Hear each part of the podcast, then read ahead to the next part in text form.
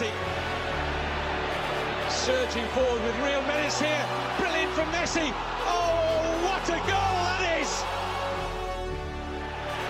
It defies description. How about sensational?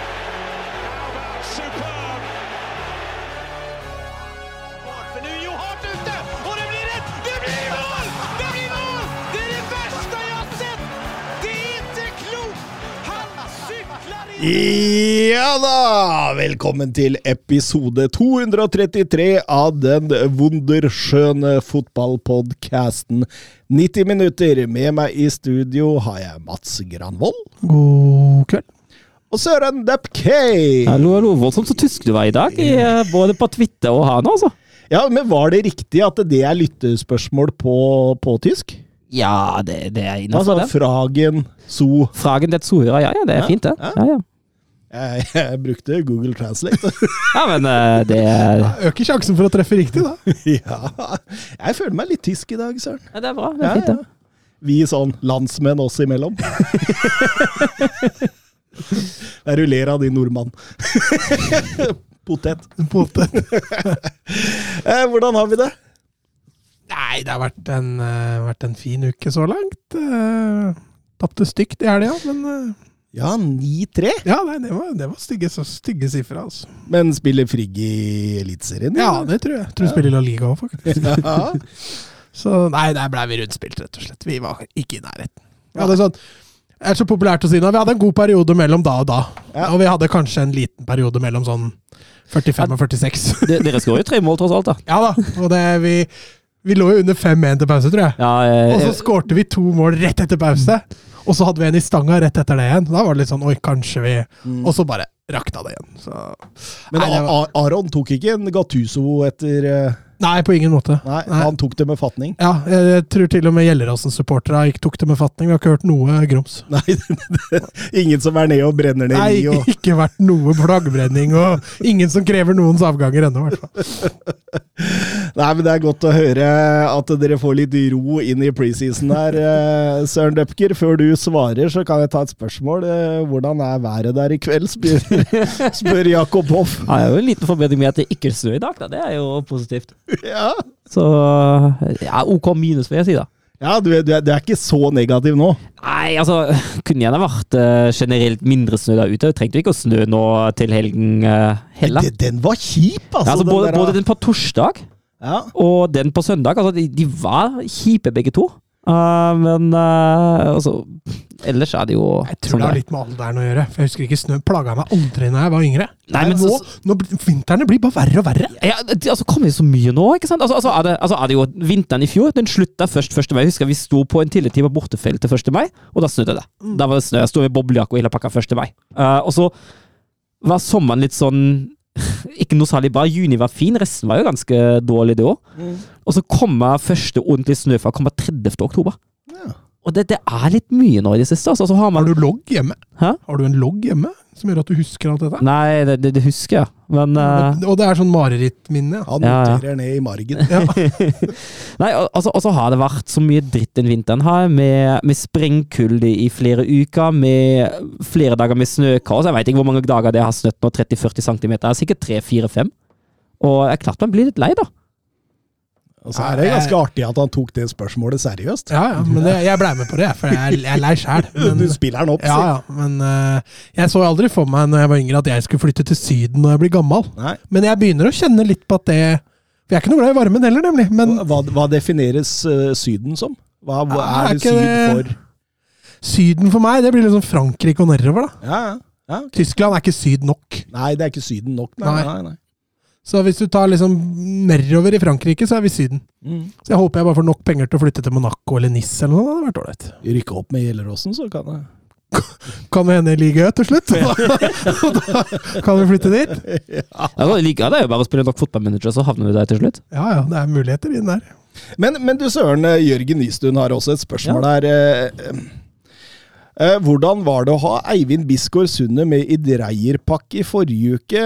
Kan han være aktuell for en gjesterolle i 90 minutter også? eh?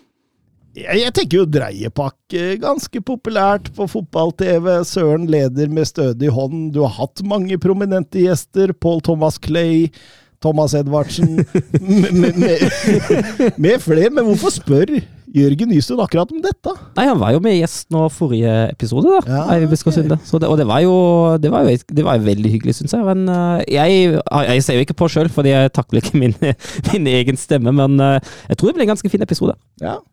Han er dyktig, han der, så det, det, det må ha gått bra, Mats. Men åssen evaluerer du episodene da? Går du på husken? Ja, det gjør det. Altså, altså går man jo, altså jeg sitter jo, altså både her og innspilling på Dreiepakke, sitter jo med en viss følelse om hvordan det har gått. Ja, men den følelsen, skjønner du, den er ikke alltid riktig. Det har jeg merka i forhold til oss. Ja, okay. Ja. Noen ganger så føler jeg at det har gått sånn relativt dårlig, og så, så hører jeg på i ettertid, og så høres det ganske fornuftig og oppegående ut. Men har du noen gang vært motsatt? Ja, at, faktisk det òg. At det, her blei det mye surr. altså, du har tenkt at dette gikk bra, og så hører du på, og så Nei, det var ikke så bra. Ja, ja, ja. Så, det, det, så, så du skal ikke stole helt Nei. på den følelsen der, Nei, altså, som du har når du kommer rett ut. Ja, ja, det tror jeg på. Altså, og så sitter jeg jo ikke og husker hvordan episoden for fire-fem uker var. da. Det, det gjør jeg ikke. Men uh, etter episoden har jeg som regel en sånn følelse om at dette har vært bra, dårlig, helt ok. Mm. Uh, uansett innspilling, egentlig. Så han, du, du mener han kan komme gjennom nåløyet for å sitte her med oss, eller? Ja. Ja. Ja, For det nåløyet er trangt. Ja, det, vi tar ikke hvem som helst, vi. Nei. Nei da, bare nabomannen oppi høgget her og Ja. ja, Lenge siden jeg har sett Martin. Men, men, men nok om det nå! Ja. nå, nå, nå. Det var nok om det, faktisk. Jeg er helt enig. Det er ikke nødvendig, det nå. Det går så bra med Forrest, han er så fornøyd at det Nei, men skal vi bare kjøre i gang, eller? Kjør.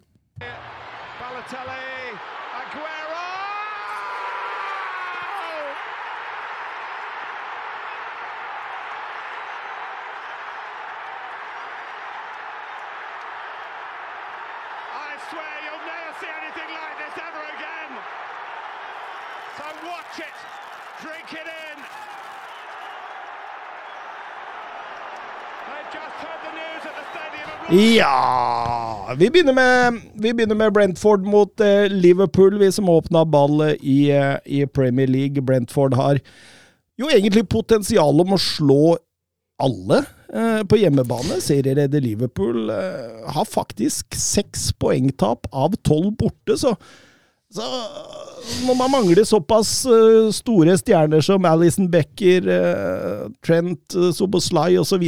Salah på benken. ja, det, det kunne jo være et potensielt bananskall. Ja, det kunne det. Og jeg syns, det blir sånn tydelig i starten av kampen. Jeg syns Liverpool trenger litt tid til å komme inn. Jeg syns åpninga til Brentford er veldig positiv. Uh, Liverpool tar etter hvert over, riktignok, men de skaper jo veldig lite mot etablert forsvar, syns jeg. Uh, og det, det trengs som oftest overganger og bakrom uh, til for at Liverpool skal bli ordentlig farlig i starten. Er vel 1-0-målet til Darwin Núñez som på en måte løser det litt opp. Ja, han får jo den plutselig fanget der aleine, men en fantastisk avslutning. Og, og da glir det jo litt lettere for, for Liverpool etter det. Det var gøy å se Ayer få prøve seg sentralt i den trioen på midten. Jeg syns ikke han nødvendigvis gjør seg så veldig bort. Det er vel de to andre på sida som surrer til mer på, på skåringene. Men øh, jeg er litt enig. Det er en eh, tett og jevn kamp fram til det står 1-0, og så syns jeg Liverpool girer om litt etter det. Altså, det er jo klart at uh, problemene til Klopp blir jo ikke mindre av den første omgangen. Nå Nå, Det er noen skader der. ja, Jones må ut. Uh, Jota må ut. Den så ikke bra ut. Uh, og Núñez ble jo i garderoben i pause òg, fordi han uh, kjente på noe. og har ikke lest noen oppdatering der, men uh, ja. Kunne ha potensielt tre spillere ut igjen. Ja, Salah måtte jo inn tidligere enn det som var planlagt, så Han klarte seg greit, eller? Ja, ja, ja. Men jeg bare tenkte mer på fysisk påkjenning og tett Ja, ja. kampprogram framover. Så det var litt det jeg tenkte på. Nei, Liverpool gir seg ikke før det står 4-1. Salah med, med nok et mål og assist. eh, Har 30 av dem i Premier League-historien nå. Kun Rooney, Ary og Scherer som har flere kamper med både mål og assist i Premier League. Så det er sterkt. Ja, Eh, han har 30 kamper. Rooney har flest, med 36. Ja, det er noe sånt noe. Der, der var du sterk, Mats. Mm. Jeg så den, jeg så den lista, så Du så den, ja. Ja, det er ikke, det er ikke dårlig, men jeg, jeg, jeg tenker jo altså Liverpool får det ganske greit òg, fordi det er jo stort sett store defensive feil ved alle måla til Liverpool. Ja, det, det, er, det, det er voldsomt, det der. Eh, og da, det er klart, hvis du inviterer motstander og et lag som Liverpool til å skåre mål, så kommer de til å utnytte det. De har den klassen som de har, uh, og da blir det litt styggere sifre enn banespillet kanskje skulle tilsi. Var fæl den bommen til Collins der før 4-1. Ja, den er, den er veldig Men du ser også, når du gjør litt rokeringer bak der, da, så det relasjonelle blir litt synlig i den kampen her, og spesielt da på når du møter et sånt turbolag da, som Liverpool, som går fort, bra, fort framover når de først setter fart, og da, da må relasjonene bak sitte. altså det, det ser du at Så er det klart den åpenbare til Collins, da, som du nevner, det det er ikke pent. Oskar Carveio Holm eh, begynner å bli redd for at Bayern-krisen kan gjøre Shabi Alonso ender opp der. Hvilke plan B, C bør Liverpool ha i sommeren? Plutselig har Klopp dratt, og Liverpool sitter igjen med svarteper. ja, hva tenker du, Mats? Nei eh, Altså, jeg syns jo fortsatt Shabby Alonso skiller seg veldig ut. Hadde jeg vært Shabby Alonso, hadde jeg gått til Liverpool enn Bayern akkurat nå. Det, det, går vel også rapportene på, at han mer ønsker seg dit. Ja, og det, og det, er, det er flere grunner. Altså, det ene er jo hvordan klubben driftes, og det andre er jo at det er jo Jeg tror det er lettere å, å bli tilgitt i i Leverkosen eh, og, om man går til Liverpool, enn Ja. om man går til Bayern München. Kan Eh, man heller ta en omvei andre veien senere. yes, det er akkurat det. Så Men du annonserte jo en trener eh, tidligere, men det var litt tidlig for den å gå. Ja, Christian Ilse Ja. i, uh, i uh, Gud, nå skal jeg si Lask. Men, men, men, men det der er jo Og, og det, det er kult. Det er, det er en kul eh, link og, og, og morsomt, siden han eh, ligner Klopp og alt det der. men eh, når Liverpool skal ut og hente trenere De går ikke til Østerrike. Nei, de gjør ikke det. Nei. altså. De gjør nok ikke det. Så eh, Plan B, C Altså, jeg har jo nesten ikke hørt andre navn enn Di Serbi og Amorim som på en måte sånne, sånne seriøse kandidater. Men blei også litt sånn nysgjerrig på hva Unai Emery Jeg ser han klatre oppover på oddslista der. Han Eh, så også De Serbi nå har fått ganske lav odds til å ta over Barca. Ja. Han er blitt kandidat nummer én. ja, da blir den bedre defensivt. Uh, nei, men den blir mye bedre offensivt. Og det er vel så viktig, det, for en Barca-supporter. Sto- Storm Graz var det med Ilsa, sorry. Ja, Ja. ikke Lask. Nei, nei. Det er Lask Stormgras, det er helt fett. Mista vi alle Stormgras og Lask-supportere som hører på dette. Går i protest! Eh, nei, men eh, bra. Liverpool holder seg dermed på toppen eh, fremdeles. Eh, vi skal over til eh, Burnley-Arsenal. og det virker jo som det skal gå rett ned med Winston Companys eh, Burnley. Møter et Arsenal som har fått litt flyt på det etter Dubai.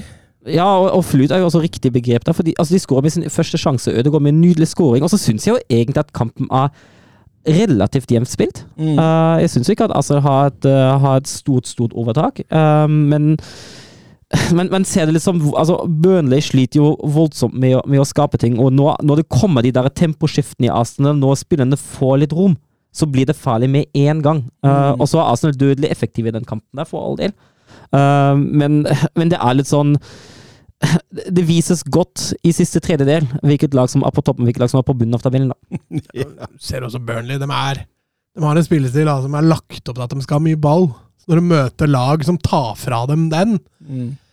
De ser nesten litt sånn Nakne ut. Ja, de ser litt sånn ville ut. altså De villrede. Eh, de, når de vinner ball lavt der og blir satt under hardt press, så klarer de ikke å spille seg ut. Så det virker som de ikke trener på kontringer. Det virker som de eh, ikke har noen plan B. da, og det når, ting ikke, når plan A ikke sitter, så blir det jo stygt mot lag når du møter Arsenal og Ja, og- store. Med spillere som elsker rom. Mm. Altså, man, altså Saka, Ødegaard, Martinelli, Trossard Dette er jo spillere som elsker store flater! Ja, og det får de jo til slutt. Eh, og etter 0-2 faller de jo fra hverandre òg. da, da ser det jo faktisk ikke ut. Eh, jeg syns jo fram til 0-2 gjør Burnley et hederlig forsøk, og det ser ikke så ille ut. Men det er sånn som Mats sier, det følger jo litt med den spillestilen òg, at det ser ikke så ille ut når du triller et ball, da. Eh, det ser ikke ut som at du blir, at du blir slaktdelt, at du er helt underlegen, men uh, resultatet taler til slutt for seg sjøl. Absolutt. eh, Bernt Olav Jelera Hansen. Er Martin Ødegaard Premier Leagues beste spiller for tida?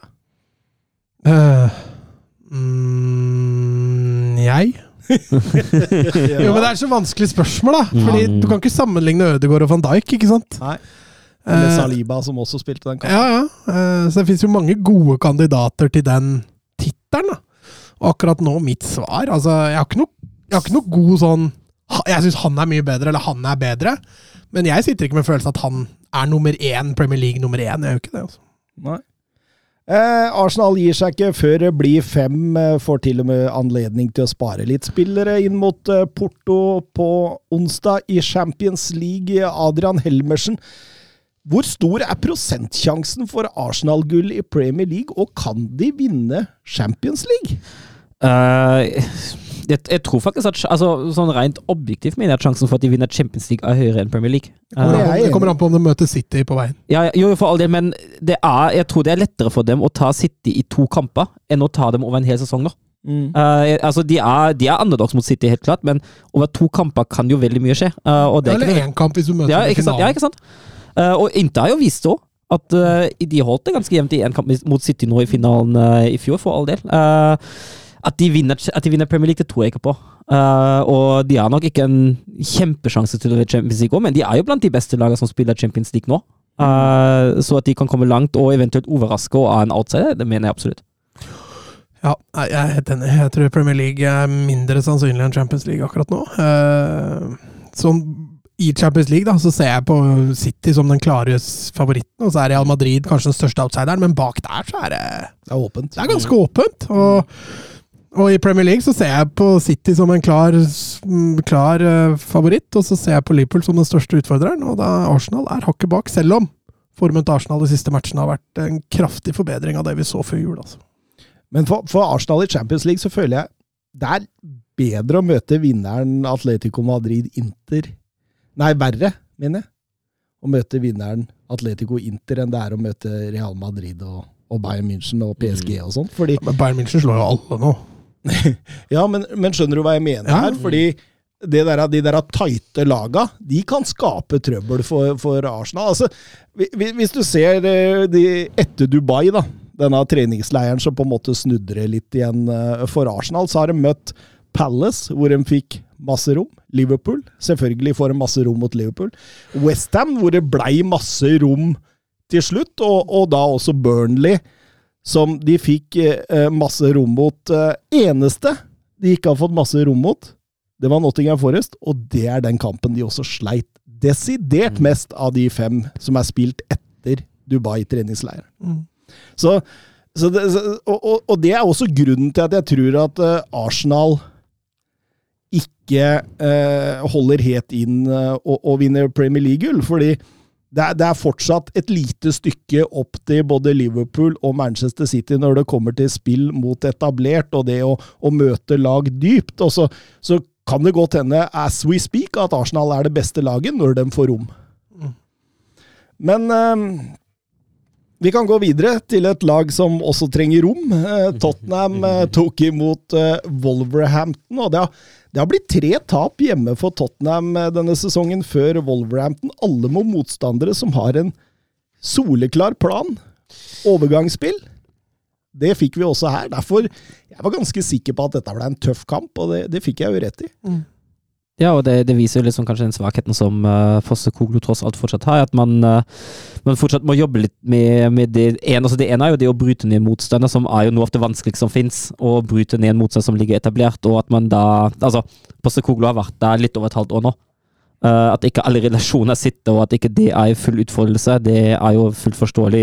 Til og med Guardiola slet jo sin første sesong i City, og Ateta brukte vel to år på å få det til i Arsenal. sånn noenlunde. Ja, Klopp òg. Ja. Det var vel åttendeplasser på både Arteta og Klopp der. Ja, ikke sant. Um, det, det andre som, som kanskje er litt mer litt, litt lettere og litt mer prekært å fikse, er jo det med kontradekninga, da. Uh, for det er sånn det som Spurs taper kampene sine akkurat nå på, at den kontradekningen den er ikke helt på plass. Uh, og når man står så høyt som Spurs jo, er så, så offensive uh, Når ikke den stemmer, så er det lett å få noen i sekken mot akkurat de lagene som du er inne på. Det er klart om man, Når man møter en, uh, en Pedro Neto, så, så går det fort i svingene. Absolutt, men den, den første omgangen de viser, det er den dårligste under Postecoglou, eller? Mhm. Ja, altså spesielt etablert off, som du sier. Jeg syns savnet av eh, Porro, kanskje også Udoji, er ganske merkbart offensivt etablert. Ja, mer offensivt enn Ja, ja, det var det jeg skulle fram til. At de, de, altså Davies og og Emerson er jo ikke i nærheten av det de kan bidra med offensivt. Eh, kanskje med unntak av på dødball. Men eh, ja, igjen så må man altså til pause for å, for å få en ny start på det for Tottenham sin del. Og det, det var en skuffende kjedelig førsteomgang fra Tottenham sin del. Det er sjelden man har sett i år. Og når den første gangen også blir toppa med en, nok en enorm glipp på dødball, markeringsfeil, så Altså, det, Der snakker vi Premier Leagues laveste spiller, tror jeg. Ja. Men, men disse har det kommet av. Altså, husk Villa-tapet. Husk eh, når man gikk ut eh, mot Manchester City i FA-cupen. Husk eh, Everton. Husk altså, det, det, altså Markering på defensiv dødball. Det Mm. går igjen gang på gang på gang på gang. Ja. ja, det gjør det. Det har blitt et svakhetstegn i, i Tottenham nå.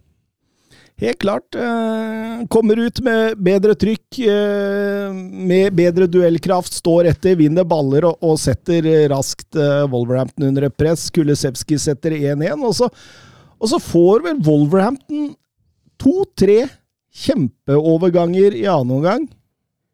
De eh, utnytter en av dem, og da blir det tap. Ja, fantastisk forarbeid av Pedro Neto på, på 2-1 der. Han frakter jo ballen over halve banen på egen hånd og, og, og drar seg ned, helt ned til linja og legger den ut 45, og da, da er selv Vikario må kapitulere der. Det er en strålende kontring. Men det er som Søren sier, og da, den Du kan lage et frispark Mm. tidligere der.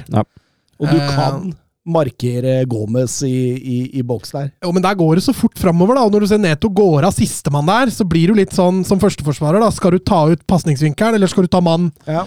Og du Mot en spiller som Pedro Neto, da, så er det en, nesten en umulig situasjon. da.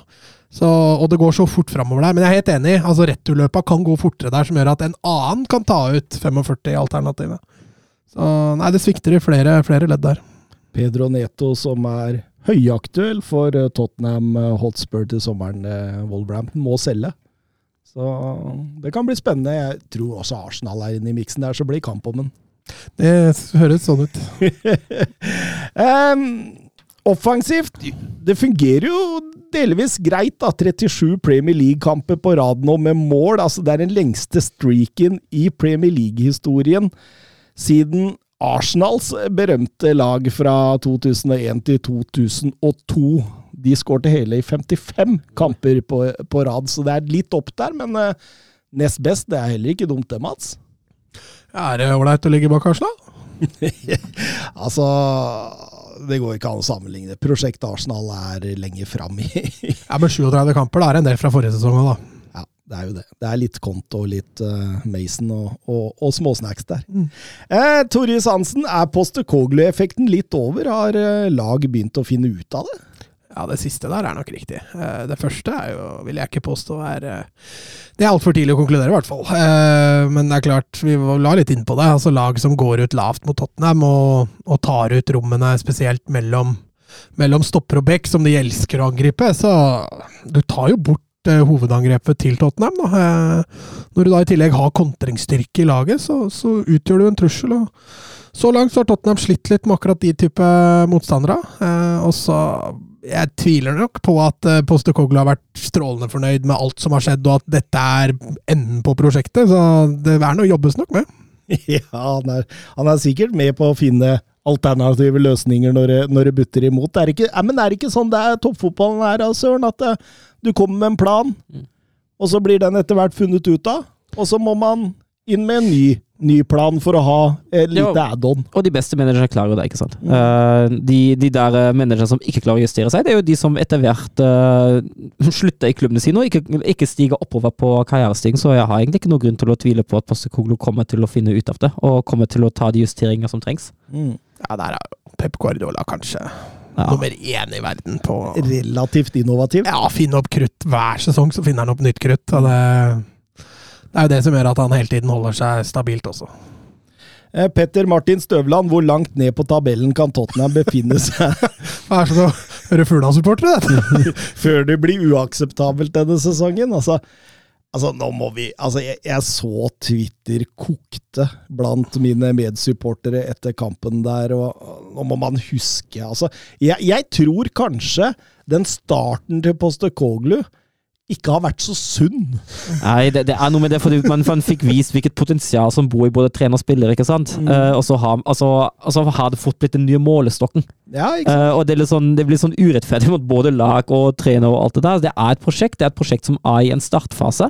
Uh, Tottenham har et bra lag, og Tottenham er fortsatt i full kamp med om fjerdeplassen. Men at, at det lygger litt, det har vi jo sagt. Vi har sittet her i sommer og sagt i den, i den gode fasene de vant og spilte forrykende fotball. Vi har sagt det kommer til å komme nedturer. Sånn Mm. er det bare. Det, det må man bare regne med. Absolutt, og så må Tottenham-supportere tenke at eh, Jørgen Klopp og Mikkel Arteta endte begge på en åttendeplass i sin første sesong som manager. Men var det hele sesongen til Klopp? Eller var det når han kom? Det var vel når han kom. Ja, så da, da Han kom vel litt ut i sesongen, gjorde han ikke Ja, han tok Mm. vel over for Brennan Rodgers der. Ja. Eh, Jeg tror det var på men, men det var ganske tidlig i Jeg lurer på om det var sånn oktober-ish. Ja, det kan nok, det kan Ja. nok eh, stemme. Men eh, like fullt en åttendeplass. Jeg, jeg tror ikke Tottenham havner på åttendeplass. Nei, altså det virker jo ikke som det er mulig å komme lenger ned enn en sjetteplass. Men hvis de havner på åttende, er det godkjent? Ja, altså jeg vil ikke kappe hodet av Postekoglu enda. Eh, selv om det hadde blitt en åttendeplass og full havari nå. Altså det spørs litt på prosessen. Det spørs på, på hvordan man eh, utvikler dette spillmessig, først og fremst. Og så får man se. Altså, det er klart det hvis man spiller blendende angrepsspill, men, men man blir kontra på og slipper inn flere dødballer, så er det veldig lett å identifisere problemet. Og da kunne jobbe med i en, en preseason, i hvert fall det med defensiv dødball. Så, så det kommer jo litt an på alt mulig her, men eh, jeg vil ikke Jeg vil ikke vært så bekymra, altså. Vi må over til storkampen. Eh, Manchester City mot eh, Chelsea. Eh, Det, det var vel et Chelsea her som tok mer hensyn enn vi noen gang har sett dem gjøre. Ja, det gjorde det definitivt. Smal 4-4-1-1, 4-4-2. Veldig opptatt av, eh, av de sentrale områdene. Veldig opptatt av å ikke la City få overtak sentralt i banen. Eh, en Cole Palmer som jobber helhjertet og disiplinert hjem hver gang Doku er på vei ned den venstre sida der, for ikke å få ham komme i én-mot-én-situasjoner. Uh, fungerer jo Stirling samme på motsatt. Ja, det fungerer jo brukbart. I hvert fall i første omgang. Ja, det der tilstedeværelsen til Chelsea i denne kampen, har vi sett det tidligere i år, eller?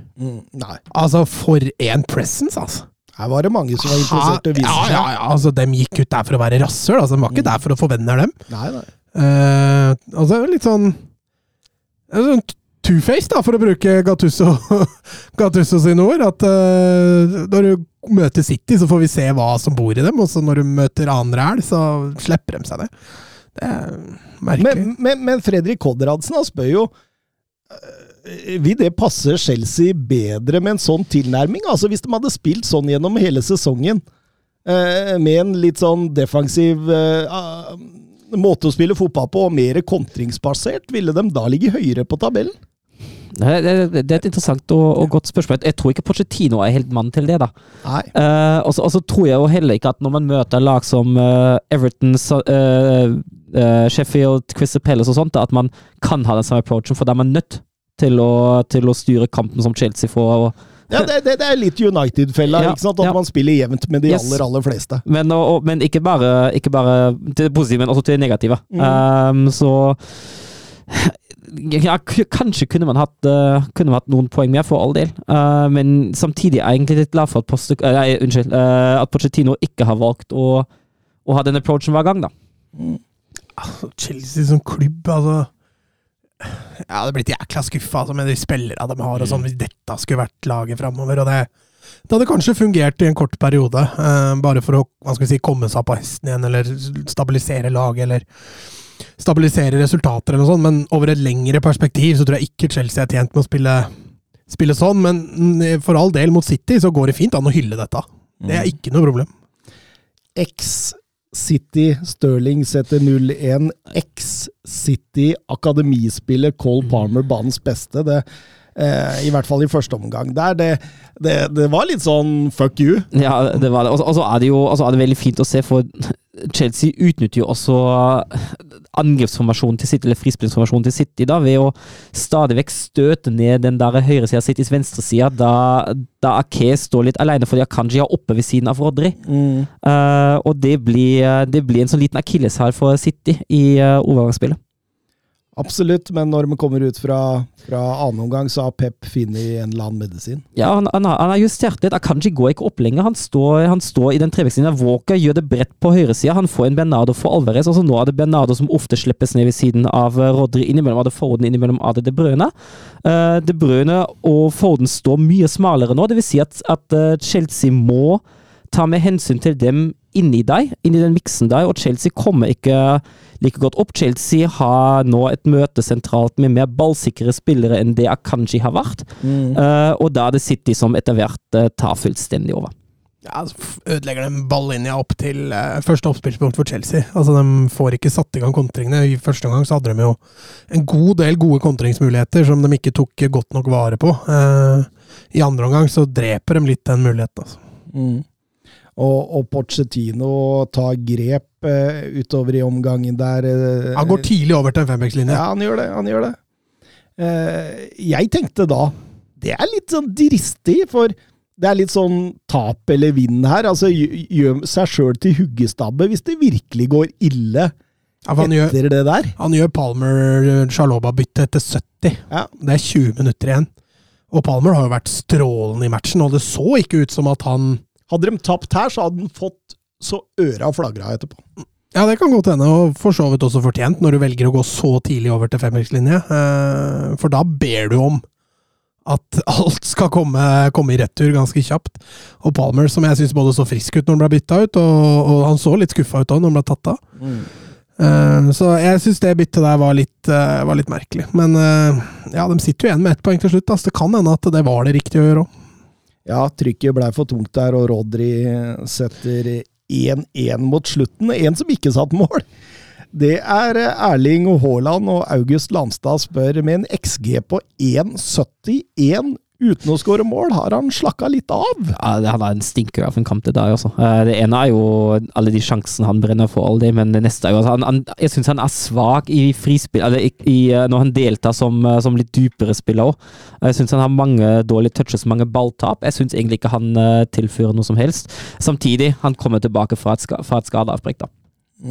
Så Litt ut av rytme, Mm. kampform, Mats. Ja, det kan du godt si, men det er vel den fjerde starten hans etter, eh, etter skaden, så jeg tror ikke han sjøl skylder på det. Ja. Eh, Men vi gjør det. Ja, vi kan godt skylde foran, men jeg må, jeg må også si at et par av de bommene der, altså Går det an å skylde på skade på det, eller? Nei, egentlig Altså, det går jo på timing Det det. Altså, det, Ja, er jo men, men er ikke jeg, jeg, jeg har hørt mange spisser si opp gjennom åra at man den rytmen, den timinga, at den kan bli forstyrra gjennom lange skadeavbrekk. Jo, jo, men han kom jo fra forrige match med to kasser, da. Ja. ja, og så null i København, da, riktignok. Ja, ja, men forrige Premier League-kamp var det jeg mente. Ja. Eh, i Kjøben, men i Kjøben så hadde han jo ikke noen store, store sjanser. Hadde ja. den der flykicket sitt som han var langt over bakken, men eh, Det var nesten første sida av VG, det. Haalands spektakulære blir Ja. går viralt! Hadde nettopp til og med fått sånne høydehoppere til å kommentere dette og sånt. Det er, det er nisselue på Å, høyt nivå. så til de grader. Hadde had, had, had han skåret, da? I det minste. Men um, så dere postmatch-intervjuet til Rodry? Nei. Fantastisk, altså. André Schjelderup.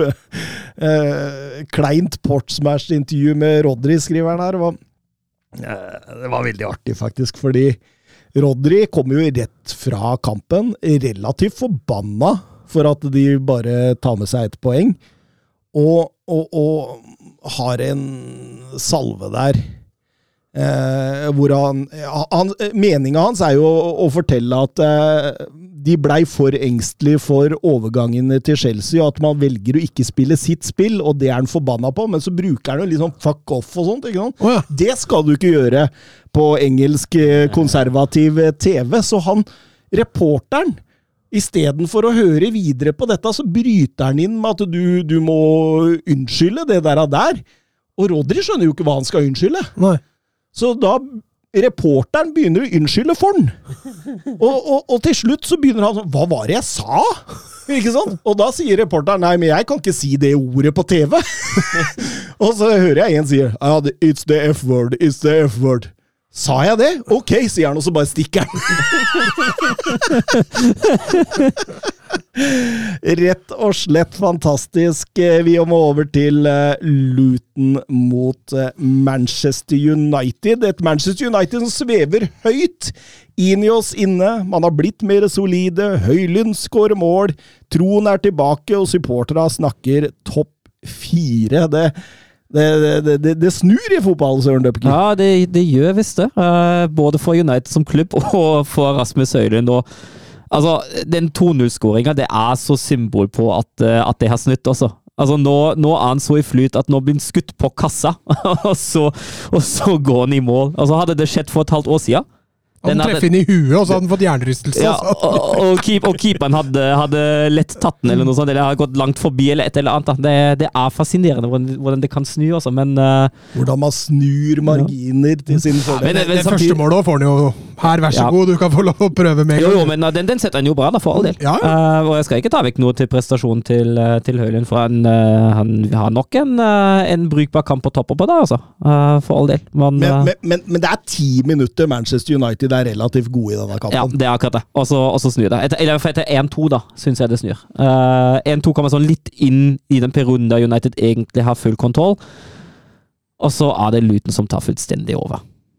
Ja, altså, Dette har man sett flere ganger. Man blir for passive. Man, man begynner kun å kontre, ja, og, og, og, og, ser egentlig ja. ut som elleve livredde ja, spillere ute på banen. Og det er litt en felle man går i. Når man, når, man har, når man, har, den spillestilen da, at man velger å legge seg bak hele tida uh, og bli egentlig et rent kontringslag. Da er det litt den, det der mindsetet som kommer. Altså, ja da, de hadde masse sjanser til å, til å skåre både tre og fire på de overgangene de hadde. Uh, men det ser jo ikke ut som Manchester United som er på besøk hos Luton, da. Det ser ikke ut som, uh, som den store klubben de skal være. Nei, det er, det, er, det er, veldig merkelig å se på hvordan man må få Altså, starten er så bra. Alt har gått deres vei. Alt som kan gå dårlig for Luton, har gått dårlig. altså, man har et enormt momentum! Og så slipper man inn uh, målet til Morris der, og så, og så Altså, de kunne tapt kampen. Mm. Ja. Ja, de får et kjempetrykk på seg på slutten. Og så skal det jo nevnes at de får noen skader de må, må gjøre der som de ikke har planlagt, selvfølgelig. Men uh, nei, de sliter. Ja. Altså, det eneste som hindrer for at, at ikke Luton skårer, at de ikke treffer Egemann i boks. Mm. Hadde de, hadde de, kommet seg i så mange gode situasjoner, og så altså, er de både uheldige og udyktige og upresise i avleveringene der. Uh, når, de, når de slår i boks, så finner de som oftest en United-forsvarer eller ingen. Men eh, det skal ikke mer til enn de treffer egen mann to-tre ganger der, og så, er kampen snudd, altså. Absolutt, eh, men eh, tiden blei for knapp. Jeg er, sikker, jeg er sikker på at hadde de spilt ti minutter til, så hadde den seieren ryket. Men United drar det i land, tross tverrleggetreff og alt mulig på slutten der. og og dermed har faktisk Manchester United tre strake borteseier nå, og er det laget forutenom Manchester City og Arsenal, med flest eh, borteseiere. Petter Halseth skriver eh, fotballgudene er i hvert fall røde for tida. ja, det kan man trygt si. Det, det, er sånn, vi, vi snakker om liksom de magiene òg, ikke sant. Altså, ja da, defensive stabiliteten er bedre for all del. Uh, men uh, de magiene har de fortsatt på sin side. Uh, det er, har ofte vært tilfellet denne sesongen at, at United har har fått de jevne kamper i sitt favør. Eh, for all del, det er en kvalitet det òg, å kunne avgjøre jevne kamper. Det er ikke ment som, eh, som noe kritikk, men eh, samtidig den suvereniteten, da. Det med, å, det med, å, gå ut og dominere fullstendig og ta en enkel to, tre, fire 0-seier, da. Jeg hørte Patrick Ovomoyela sa det i Bayern-kampen, han var ekspertkommentator der, at ja, Bayern må jobbe knallhardt mot alle motstandere for å få de tre poengene, og det samme mm. gjelder Manchester United òg. Ja. Ja, for ingen får bedre betalt i Premier League eh, på expected points enn Manchester United. De har hele tolv flere enn det de skal ha, ifølge Understats. Eh, det ville gitt en tolvteplass rett foran eh, Fulham. De har tre strake borteseiere nå. Mot Wolverhampton setter Maino en sju minutter på overtid der. Mot Villa kriger McTominay en seiersmålet inn der helt mot slutten i en kamp Villa er best, og, og her blir man også tidvis kjørt, men redder tre poeng gjennom to tidlige gavepakker. Og, altså, altså det, det, er, det, er, flyt her, og så, og så skal ikke Manchester United-supporterne føle seg støtt fordi man sier man har flyt. Eh, jeg, jeg, skjønner ikke helt at uh, supportere faller for den der. Det er, det er, veldig populært å føle seg litt krenka ja. når man sier at laget har flyt, men jeg tror ikke det er et lag i ligasystemene i Europa som har vunnet seriegull uten å ha litt flyt. Nei, Man må ha det! Flyt trengs, og det, det, er ikke noe feil med det. Det er derfor jeg sier at det, det er ikke ment som noe, som noe kritikk. Det er, som sagt, det er en kvalitet i seg sjøl òg, men for all del. Jeg er helt enig i at, uh, at United har fått overbetalt denne sesongen, her, og at spille, spillemessig har det ikke stått helt i stil med, med der de står. men det betyr jo samtidig ikke at de ikke kan nå topp fire heller, for hvis den flyten fortsetter, så vil de jo være i topp fire til slutt. Ja, da, altså, den flyten her det, det er, er, bare, er, rett inn i ja. topp fire, det er det ingen tvil om. Men jeg mener jo at det, det også mener Jeg mener jo at til syvende og sist er det ikke bærekraftig du kan fint overprestere noen kamper. Du, du kan fint overprestere også en hel sesong. Uh, den derre sølvsesongen til, uh, til Mourinho da de havnet bak City, da skulle vi vel ha vært på sjetteplass etter expected points eller noe sånt. da. Uh, så for all del, det er mulig, da. Men det tar slutt på et tidspunkt. Det er, det er ikke bærekraftig. Til syvende og sist vil som regel det beste fotballaget vinne over, sett over en hel sesong, da. Det er vel også derfor jeg ikke tror Manchester United får topp fire, for jeg tror de vil få det litt mer etter hvert, men jeg har tatt uh, feil før. Um, og du kommer til å ta feil igjen? sannsynligvis, når jeg sitter her i to timer og, og melder hver mandag. uh, Finn Jørgen Halvorsen har vært underkommunisert hvor svak Bruno Fernandes har vært denne sesongen. Skal jo være i bracketen Ødegård, Madison og De Brøne, men leverer svakt over. Ja, altså underkommunisert. Altså, han, han presterer lavere, eller min, dårligere enn det man kanskje kan forvente, men han spiller også på Altså, hans styrker er jo ofte i det etablerte eller på dødball. Mm. Eh, og det er ikke der United har sine styrker for øyeblikket.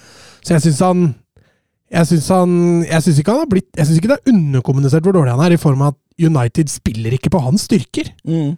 Og det, Derfor er ikke det noe jeg henger meg opp i når jeg ser United. Altså Hadde United hatt mer etablert angrep og hatt tydeligere rammer offensivt, sikker på Bruno hadde blomstra med en gang. Og det samme sa vi egentlig om uh, Høylund. Vi får spørsmål fra No Hansson. Uh, nå kan dere vel skryte av Høylund, resten av laget er som så, men han er jo lyspunkt. Altså, jeg, jeg, jeg føler jo alltid at vi har vært litt sånn pro Høylund i denne ja, podkasten. Jeg føler det. Jeg har alltid, jeg har alltid hatt sans for Høylund som spiss. Jeg syns han har vært en, uh, en, bra spiss, og jeg syns han, han, har jo også levert bra. Vi har vel vært inne på at han har vært uheldig, men at det kommer til å komme. Ja, at han har vært et lite offer for manglende ja eh, fungert eh, offensivt eh, spill. Altså, jeg husker jo sist vi kommenterte rundt dette med at Rio Ferdinand ønska Benzema inn i januar, så sa vi jo det at det ville jo være ekstremt dumt. Man har Høylund, man må satse der. Han har vist uh, mye godt, så jeg kan ikke huske vi har vært sånn voldsomt negativt i det. Jeg tror kanskje det er forrige episode vi sa at, at han må, må prestere mer stabilt, for, mer jevnt for hver i det, altså i det der ja, toppsjiktet. Når vi rangerte ja, ja, de spissene, ja, ja, men altså vi, Han kan da for fanken meg være god, selv om han er bak eh, Haaland og Núñez, ja. Haaland og Núñez, liksom, ja. Ja, Haaland har ikke vært så veldig god siste kamp. akkurat, akkurat nå så presterer jo Høylund bedre, ja, det er riktig. Uh, Ole Haaland, uh, hva tenkes rundt Manchester United forsøk på etter Dan Athworth uh, bygge administrasjon og klubbstruktur nå? Ja, altså først Barada, og nå sannsynligvis Dan Asworth, som er jo mye av hjernen i, i måten man drev det nye Brighton. Ble henta til Newcastle der, har vel ikke Eh, maksa potensialet sitt i Newcastle der nå, og er vel i ferd med å pakke snippesken og ønske seg videre. og Det kan bli Manchester United. Og, og jeg tror jo Nå har vi skrytet, eller jeg i hvert fall, har skrytt mye av Inios og hvordan de har begynt dette prosjektet. og jeg, jeg, jeg syns jo det, det, virker jo strålende, dette også. Får inn kompetanse, får inn folk som veit uh, hva, hva, hva, som kreves og hva som gjelder. Altså, Strålende. Bare fortsett sånn. Bygg struktur, bygg infrastruktur, bygg treningsanlegg. Ruste opp Old Trafford. Og, og, og, og få dette laget på, på hjul og med en god manager, så For det har de ikke nå? Eh, Jo, altså, det, det, under rette omstendigheter så kan det godt hende at Erik Den Haag kan gjøre det bra. Jeg kaster ikke han, jeg, for selv om alt ikke har vært positivt. Men så skriver Simen Ervik med 20 millioner Altså pund for en sportsdirektør, er ikke det galskap? Altså, det, er jo voldsomt mye penger, uh, men samtidig altså, det, har- det har jeg jo tenkt på da, da Nagelsmann gikk fra 25 til, fra Leipzig til Bayern nå som trener. Eh, jeg tenker jo at altså, man betaler sykt mye for spillere. Men det, det rundt en trener, en sportsdirektør, er kanskje enda viktigere for klubben. Eh, For de er da, sportsdirektører som regel lengre enn en eh, spillerne. Det er de som skal sette strategien. Det er de som eh, egentlig er, har mest å si for suksess, ikke suksess. Ja da, spillerne spiller kampene i det dagligdagse og alt det der, men det er spillere som sportsdirektøren skal, ha, skal hente inn. Det er sportsdirektøren som skal være veldig ansvarlig for strategien, for framgangsmåten, for, for logistikken, for managere, for alt, da. Eh, Så det at man har begynt med å bruke penger på andre posisjoner enn spillere som er enormt viktige for klubben, det Jeg, jeg syns ikke det er så merkelig, selv om jeg er jo enig i at det er sykt mye penger, det der. Jeg er helt enig. Jeg har aldri skjønt hvorfor managere koster så lite i forhold til spillere, og, det kan man tenke rundt sportsdirektører også. Eh, Man kan jo bare spørre seg. eh, Ville man hatt eh, Edwards som sportsdirektør som bygde Liverpool sammen med Klopp, eller ville man hatt Mbappe til klubben? Veldig mange ville svart Edwards, det er ganske ganske Ja, jeg hadde heller tatt Edwards, definitivt. Hvem ville du hatt? Ville du ha Pep Guardiola til klubben, eller Mbappe? Mm, Pep, definitivt. Ikke sant? Og, så, så, så jeg syns ikke det er så rart at disse markante eh, beste sportsdirektører og trenere begynner å koste mye penger. Jeg, det, det vil være helt naturlig for meg. Mm. Um, vi tar med også at Villa De leker litt sånn jojo med Tottenham og bytter annenhver gang den der topp fire. Vinner, vinner 2-1 over Fulham borte etter to skåringer av Watkins. Og, og, og fantastisk sesong Watkins leverer for tida. Helt enorm, altså. Spiller seg rett inn i, i sommerens EM-sluttspill nå for tida her, altså. Ja, Kane skal på benken. Nei, Jeg sier ikke nødvendigvis at han eh, tar en, eh, en elver der, men det, det er jo klart det at uh... Ja, hvis, ikke, hvis ikke han er i toppen, da er det vel uh... Han skal jo ha med Stirling, skal han ikke det? Maguire og Sterling må jo med. ja, ja. Den var jo klippekort. ja, Ja, altså, det. Calvin Phillips. Calvin Phillips har klippekort. Han er så god i Westham nå! Jørn Henland skøyen inn røde kortet til Mason eh, Holgate, eh, som ikke skjønner noe som helst. Ja, det, det, det var en av de styggeste jeg har sett den sesongen her, altså. Herregud, han eh, sparker jo kneet til Mitoma tvers igjennom, nesten. Men jeg er så glad for at du sier denne sesongen, fordi jeg hørte så mange som sa at den styggeste taklingen eh, ever. Nei, det er det ikke. Det syns jeg ikke det var, fordi det er ikke noen kjempefart, og han takler jo på et punkt som ikke gjør at du brekker beinet, i hvert fall. Altså, jeg syns jo man har sett eh, ganske mange verre taklinger opp gjennom tida enn denne, men det er liksom den med hensikten at du er en fuckface. Du går inn der for å, for å gi den en. Det er vel den som er Ja, og altså, altså, hvis, hvis du treffer feil på kneet, og særlig hvis den skulle stå på det beinet, altså, det kan bli ganske stygt, det òg. så ja, nei, det Jeg, jeg, sy- jeg syns det var rimelig stykk, og det er ikke noe, det er ikke noe å lure på at det er et rødt kort, altså. Han hadde den samme en på Høibjerg for et par, par år siden. Helt identisk. Ja. Fikk også rødt da. Velfortjent. eh, Det er en rød tråd, er det det Det er en rød tråd Veldig rød, tråd, ja. Det var vel han også som dytta Firmino, husker du det? I, i, eh, i Liverpool Derby der. Ja, men det ble ikke rødt kort. Nei, nei, nei. Mm. Han dytta han sånn skikkelig i ryggen inn i reklameskilta mot publikum Ja, ja, der, så han bare ja, ja, forsvant inn. Det var Sant også han. Så han har vel noe greie for seg. André Solberg, hva syns du om Glasner i Palace? Ja, det er jo spennende. Uh, Glasen er jo utvilsomt en uh, dyktig manager som har vist sine kvaliteter i både Lask, denne gang virkelig Lask, uh, Wolfsburg og Frankfurt. Um, ja, sånn, det jeg stusser litt på, er sånn det med rød tråd, da.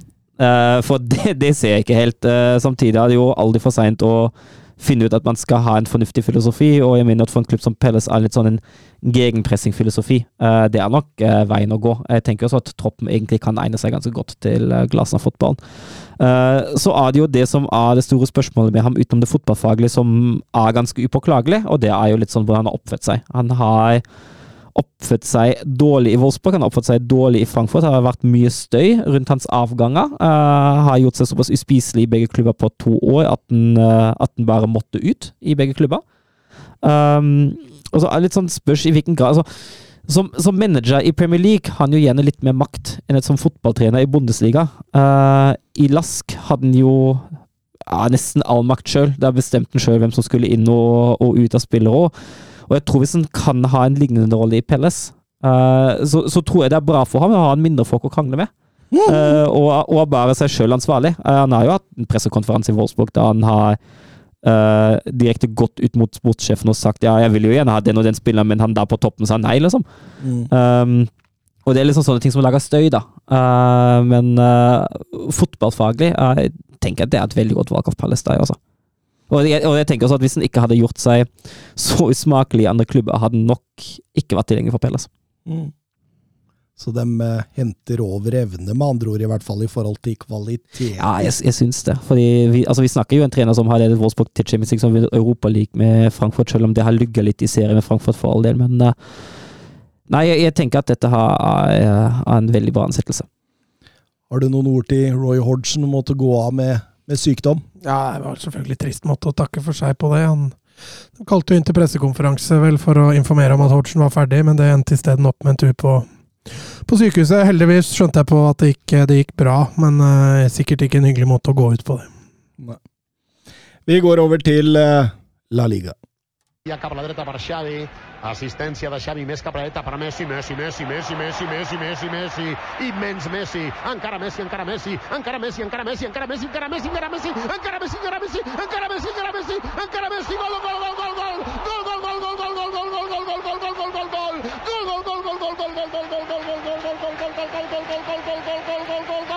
Yes, vi begynner med Atletico Madrid mot Las Palmas. Har ikke sett så voldsomt overbevisende ut de siste Atletico Madrid, men er ubeseira på Metropolitano og får egentlig besøk av et Las Palmas som hadde det ikke vært for Girona, så hadde det denne prestasjonen dette året, denne sesongen eh, ikke Eller blitt mer hypa, vil jeg tro. Nå, nå skjønte jeg ikke hva du mente. Nei, at uh, siden Giro Siden, siden Girona gjør det veldig bra, men Las Palmas gjør det også bra. Uh, og Las Palmas ah, ja, du snakker om Las Palmas, ja. du! Jeg tenkte Atletico, har de gjort det så Følger du ikke med når jeg snakker, eller? det var derfor jeg datt ut. Nei, altså, Las Palmas dem har jo vært innovative i år, og de har turt å spille på, på, på sine egne premisser. Uh, og har jo plassert seg godt inn på øvre halvdel. Men et Atletico Madrid-lag som valgte å rullere litt på laget, det blei altfor tøft. Uh, rullerte seg bedre, Diego Simione. altså, Marcos Urente fikk lov å vikariere som nier, og det var jo en kjempe, kjempeinvestering. Nå skal det sies at av de fem måla altså, Jeg kan være skikkelig slem og si at fem, fire av dem gir dem Atletico Madrid sånn mm. Ja, de, de, gjør jo det. Det er jo Her, vær så god. voldsomme feil i frispill. Men jeg syns også det at Atletico Madrid som, som, går ut da, som ser litt mer påtent ut nå, altså, jeg syns de er mer aggressive. De er høyere i presset. Uh, de ser ut til å ha lyst å markere seg og vise fram at den kampen her skal vi vinne. Uh, jeg syns det er mer offensivt uh, enn det vi har sett før. Altså. så jeg syns absolutt det er et Atletico som, som, egentlig fra starten har vist litt hvilken vei den kampen skal gå. Og utnytte problemene deres Palmas har i frispillinga på det groveste. Nei, men Jeg tror det har litt med motstanderen å gjøre òg. At de ja. møter et lag som de veit Så vi kan stå høyt. Hvis vi klarer å stenge av de og de rommene, så, så tar vi dem. og nå skal det jo sies at Las Palmas var fryktelig svake på det de har vært brukbare på i år. Eh, de spiller jo bort ballen gang på gang i starten her, og når de skal klarere, så slår de i hverandre, og så ender han opp hos Jurente. Så er liksom klovner i kamp bak der i tillegg, da. Så han får jo veldig kampen inn i sitt spor der tidlig, når de går opp i 2-0 allerede etter 20 der. Og positivt da for Simione, som liksom på en måte bare kan, etter ja, i hvert fall etter 3-0-målet til Angel Korea, kan bare styre tankene mot Inter i midtuka nå, med, å, med å hvile der man uh, trenger, og gi kampbelastning der man må. Mm. Ja da, han, han, bytter jo fortløpende utover i, utover i matchen der, som jeg var inne på. Altså Grismann uh, satt jo med nå er Morata skada, så han var jo ikke var jo ikke tilgjengelig der. Uh, Depay, som helt sikkert kommer til å starte, starta på benken. De fikk hvile. Rikelme fikk hvile. Fermeren kom jo inn. Og, og Hermoso fikk hvile, så det er nok en del forandringer til Champions League-kampen nå. Men det er som du er inne på, da, Kåke kunne tas ut ganske tidlig. Eh, Jorente fikk hvile. Eh, Jimenez bak der. De sliter jo litt med, med forsvarsspillere i øyeblikket, så de, de må få rullert litt der også. Så jeg tror nok han fikk kampen akkurat sånn han lå og drømte om natta i forkant. Det skal jo sies at uh, vi kommer jo sikkert til det, men Inter var i akkurat den samme situasjonen på fredag. Mm. At etter en time var jo både Turam og Lautaro Martinez bytta ut der, jo. Så det blir en, eh, en god kamp med masse friske bein. eh. Ja, altså friske bein, ja, men altså, det, blir jo Det blir jo defensivt mot defensivt. Ja, men det første kamp er vel på eh, Giuseppe Meazza, er det? Ja. Ja, det er det. Så det er eh, jeg, jeg tror det gjør at Inter er en bitte liten favoritt. Ja, det gjør det. Og jeg tror det øker sjansen for at det blir 0-0. Hadde det vært på Metropolitano, så tror jeg det hadde vært større sjanse for å få et mål. Diego Simione kommer ikke til Italia for å underholde. Nei, nei, nei, definitivt ikke. Han sender alle rasshøla sine på banen. Eh, Celta Vigo, Barcelona. Celta Vigo som kjemper for å unngå nedrykk, eh, men har faktisk slitt eh, tyngst hjemme på Colosseum. for besøk av Barcelona som ja, vi har sagt det mange ganger, eh, sliter med å finne balansen mellom angrep og forsvar, eh, senest forrige helg med 3-3 mot Granada. Og så, så er det jo et Barcelona som i nyere tid har slitt tungt på Balaidos, da, med 1-3-4 på de siste åtte, Mats. Mm, historisk sett så har Balaidos vært en drittarena, for å si det rett ut. Man har ikke helt, eh, helt fått det til. Og, og Barcelona, som har vært veldig opp og ned i det siste, men de har vært brukbare borte, og så har det egentlig vært hjemme de har Hjemme har skuffa mest, og får jo for så vidt en ok start, selv om første gangen må vi vel kunne si er grisekjedelig. Eh, ingen av laga får noe, får noe særlig tak på det. Eh, Barca får ikke Sliter med å bryte gjennom Celta sin ganske stramme 4-4-2, mens, eh, mens Celta sliter med å sette kontringene. Strand Larsen lite involvert, og så er det jo en strålende scoring helt på slutten som, som åpner ballet for, eh, for Barca. Det er Jamal som finner Lewandowski, som har en strålende første touch. og 1-0 til Barca. Jeg vil jo ikke si det er flatterende, men at, at det blei et mål i den første gangen var kanskje greit at det var Barca, for det var, det var ikke mye å skrive hjem om i den første gangen. Altså. Nei, jeg tenkte på det underveis der. Rafa Benitez, altså han har jo en tidvis eh, eh, kunnskap om hvordan han skal suge ut fotballinteressen av folk. Altså, altså jeg tror enkelte er mer villig på å betale for å se maling tørke, altså, enn å se altså, I hvert fall fram til de går under 0-1 der, da. Mm. Ja, eh, Celta Vigo var ikke der for å underholde, virka det som. De skulle bare kontre og, og ligge bak. Eh, og så når de får 1-0, så må de gjøre om litt til, til, til pause der og, så, og forandre mentaliteten litt. Men så må jo Barca gjøre dette litt fatale byttet, da, som får en grusom start når Arojo ikke kommer ut etter pause. Det er Eh, status der, veit du det. ja, det, altså, det, er ikke, det er ikke krise, men det kan hende at Napoli-matchen eh, ryker, og det er jo i så fall Det er jo i så fall krise. Og da setter jo Celta Vigo eh, 1-1 ganske umiddelbart, og hørte dere TV 2s sportsanker uttale navnet til denne Ja, det- Iago Aspas? Det, Nei, få høre. det var Det var Det var sterkt. Lago og Aspås. Aspås, ja. Han Aspås! Aspås er jo Han er bra, han Aspås, altså.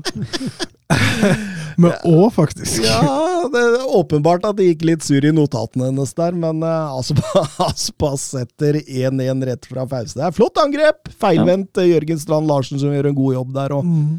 og, um, og ja Slipper til Minguesa. Fin hælflikk, altså. Mm. Og Aspas setter den via Kondé og 1-1. Og da, da er man jo tilbake til status K før man omtrent har tre, tre, tre minutter spilletid. Ja, og det, og det er Rafa Benitez strålende fornøyd med.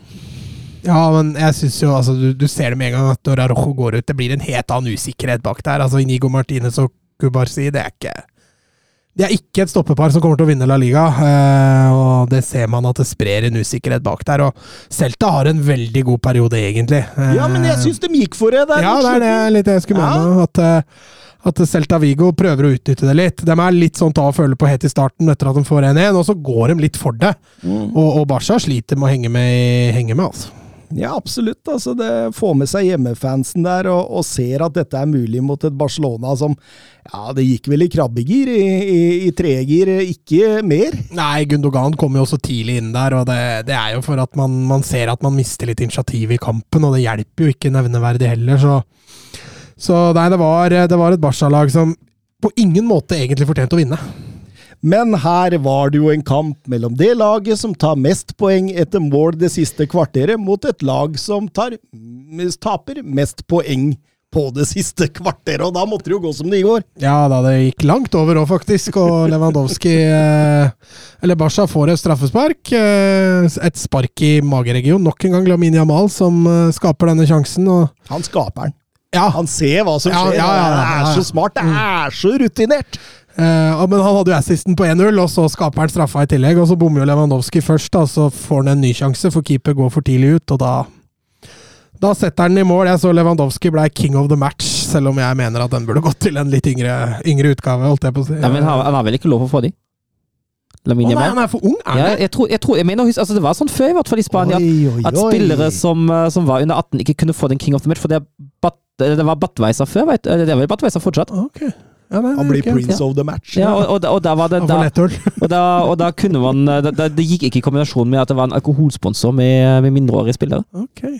Ja, det, det kan godt stemme. Det Hørtes jo veldig konservativt ut for å være eh, Spania, egentlig. Ja, men jeg, jeg, jeg mener det var en sånn samme greie med Gavi en gang, jeg husker ikke helt, men jeg tror det. Ja, det, Jeg stoler på minnet ditt, jeg, Dupker. Det Ja, for jeg husker også det var sånn Jeg tror ikke det er sånn nå lenger, men det var jo sånn før at eh, i Spania så kunne kampene begynne den ene datoen, og så slutta kampen datoen etter.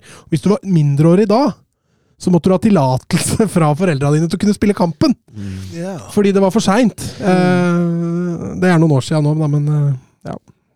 Men tre poeng, da er du jo fornøyd da, Mats? Eller, eller var det ting ved spillet her som gjorde at du, det, det, det svei litt i magen? Nei, det svir ikke. Nå, er det, nå er, handler det om å redde stumpene. Og sikre denne topp fire. Det er det viktigste nå. Så, så man tar de poengene man kan få. Eh, selv om jeg syns ikke Altså, en uavgjort her hadde vært vel så fortjent. Eh, man, man, eh, man vinner fordi man har en ung talisman som disker opp når man virkelig trenger det, og så Fortsatt så ser det shake ut defensivt, og fortsatt så sliter man med å skape det helt store offensivt. Så det er, det er mye å ta tak i her, altså. Valencia, Sevilla 0-0. Da går vi videre. Det, Ja, det, Ja, det, altså, det er deg, men altså, Sevilla skal jo være sjeleglad for at de får med seg poeng i den kampen der. Uh, Ørjan Nyland. ja, sterk kamp. Uh, ja, Eh, Han ble skaper king of the match. ja, og det er fullt fortjent. Uh, Sevilla skaper en XG på 0,05 over 90 minutter der. De har én avslutning ja. hele matchen. ja. Og Valencia kjører jo det som kan kjøres der, i hvert fall. nå kommer Sevilla fra tre kamper uten tap. De bygger momentum, og så skal de bare ligge i forsvar. Ja, de, de hadde nok en plan om å kontre der, men de fikk det ikke til. Eh, Det var åpenbart at de, eh, de gikk for å ikke slippe inn mål. Det var pri én. Eh, og så får det være så som så, hvis man skal skape noe. Men ja, det var seks mann som lå drittrangt foran 16-meteren. Og så bare, ja Overlater dem resten til resten, egentlig. Ja, nei, det var ikke noe lett jobb Isak og, og godeste Nesiri hadde på topp der, i hvert fall. Eh, vi går over til Rayo Vallecano mot Real Madrid, og man kan jo trygt si at eh, Rayo Vallecano har fått det litt i 2024. Et fattig poeng på de siste fem, og, og sakte falt nedover på tabellen. Eh, resulterte jo også i at eh, Inigo Perez kommer inn som, eller blir oppgradert fra assistenttrener til hovedtrener. Eh, Mange husker jo han godt fra spilletida i Osasona, faktisk. Eh, Real Madrid, ikke altfor overbevisende seier i- mot eh, RB Leipzig i Tyskland. eh, Men typisk Real Madrid. Ja, litt det typisk, kan vi jo trygt si, da. Ja. Og man trodde jo fort at det skulle bli en typisk Real Madrid-seier, dette. Men i Leipzig, den der, så du den offside-skåringa? Det er håpløst. Nei, hva, hva, hva skjedde? Men hvorfor er det ikke større oppskrik rundt det? Fordi det er Real Madrid? Skulle ikke Marco Rose stått der og krevd omkamp? Jo, jeg, hvis han hadde vært Klopp, så hadde han definitivt gjort det. Altså, Det ender opp med at de ser jo at det ikke er offside, og så tar de frisparket isteden. Jeg skjønner ikke. Jeg skjønner ingenting, jeg! Det der, der var Det, det er scam. Altså, det I er, det er verste fall må jo dommeren! Ja, I verste fall må jo dommeren bort og se på skjermen! Ja, jeg skjønner, Den der, der skjønte jeg ingenting av. For, for, for, for faktisk så kunne RB Leipzig fått med seg et resultat derfra, søren. Ja, de kunne det. Uh, og de gjorde jo ikke en dårlig kamp heller, uh, for all del. Ja, Første omgang er den best. Ja, ja, jeg er enig i det, men uh, de hadde ikke helt marginer med seg i den kampen, nei. Men skåringa til de, altså. Ja, fin den.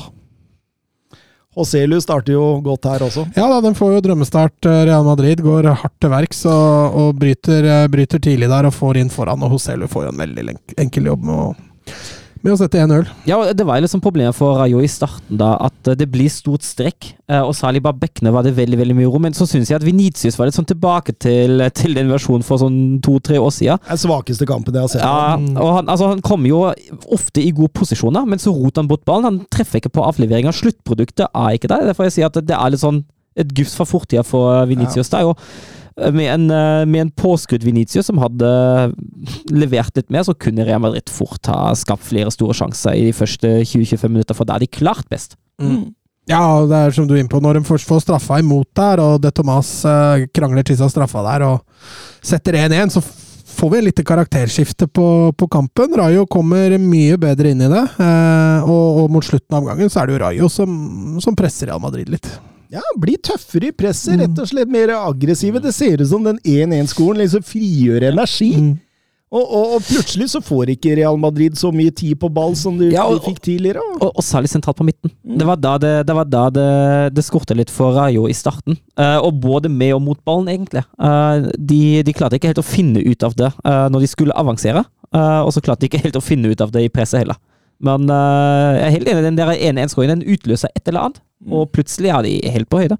Og jeg har ofte sagt om Real Madrid at det spiller nesten ikke eh, noen rolle hvilken elve du kaster utpå der, for dem er fortsatt Real Madrid.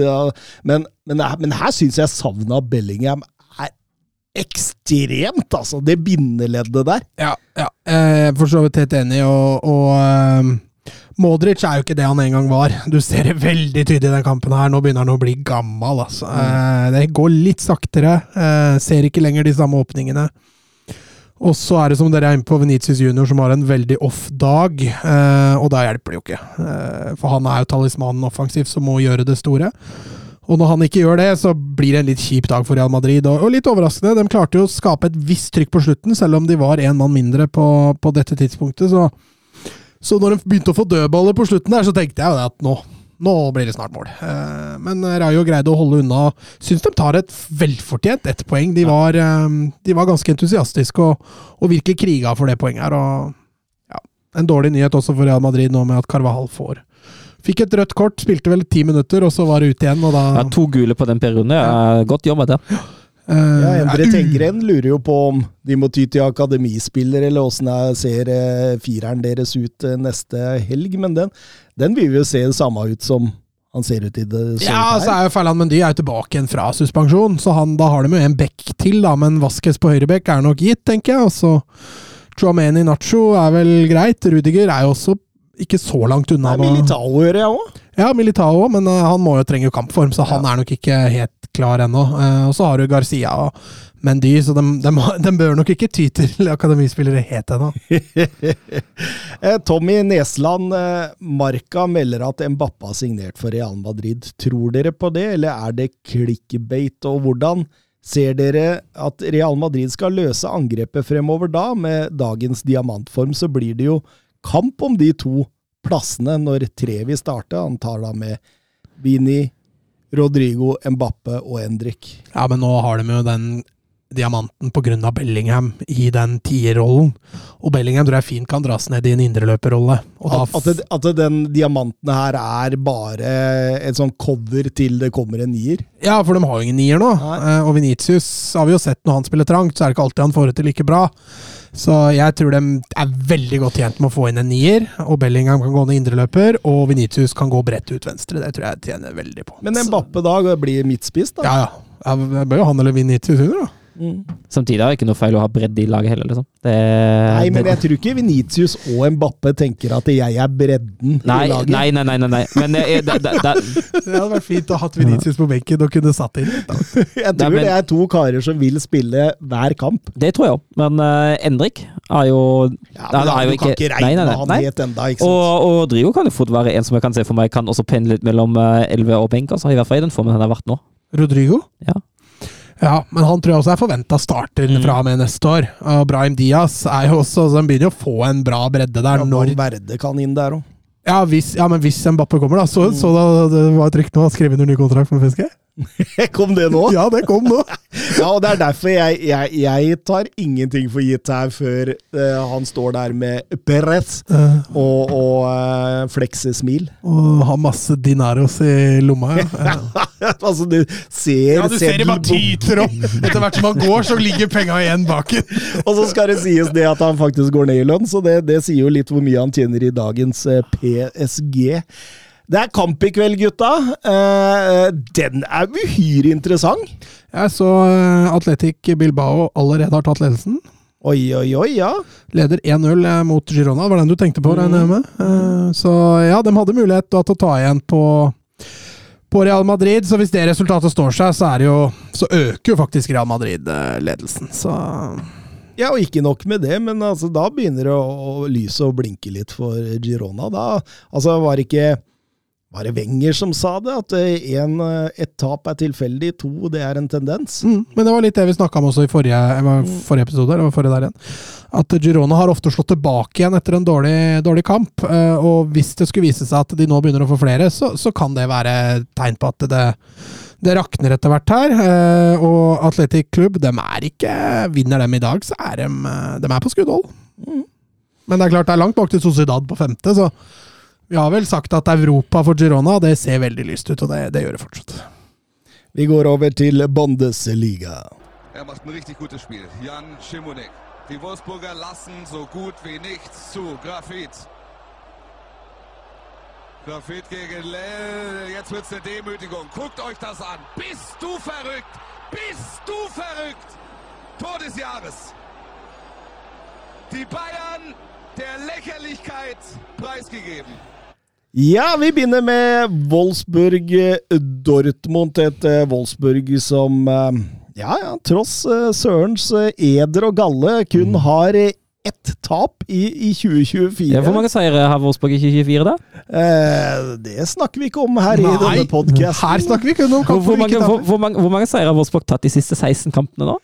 Det kan det være én eller to. Ja, to. Ja, Ja, to. Ja, hele to. Så, så et godt bevis på at statistikk, det kan man se begge veier. Ja, det, det er nok helt riktig.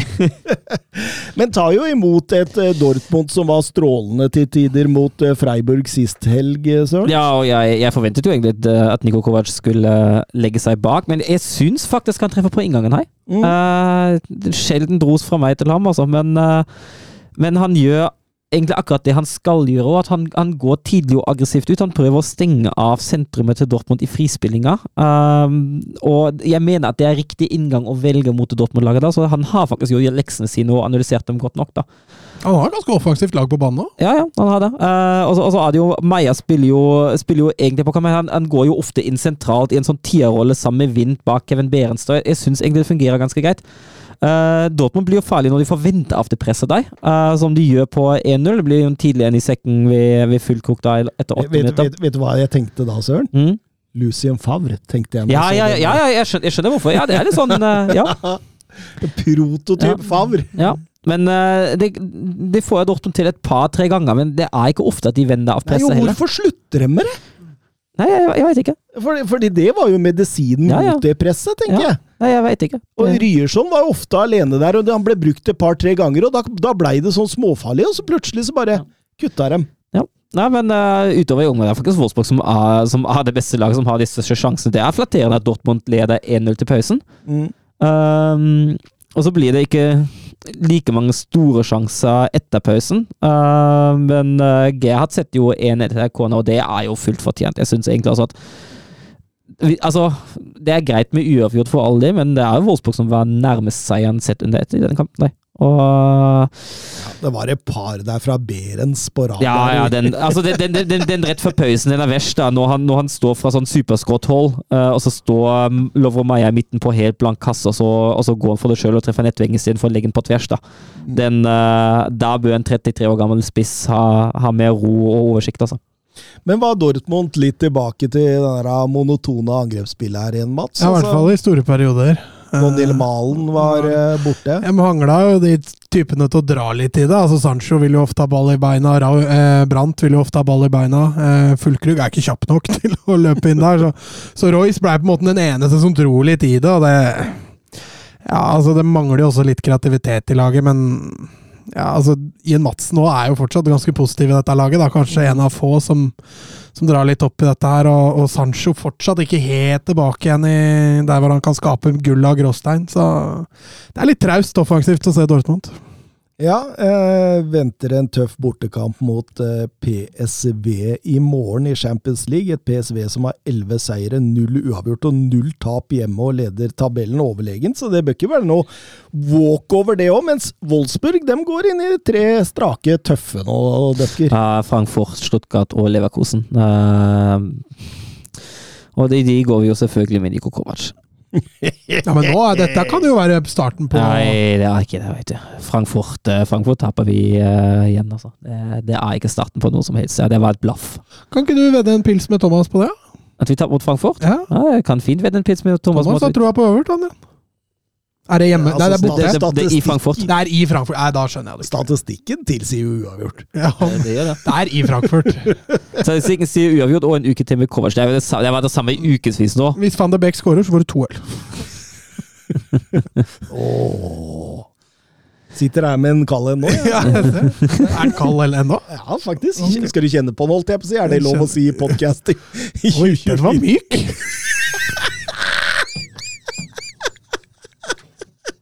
Han var ikke kald, altså! Den var ganske myk. Har du kjent på søren sin, da? Jeg har ikke med meg. La han igjen hjemme.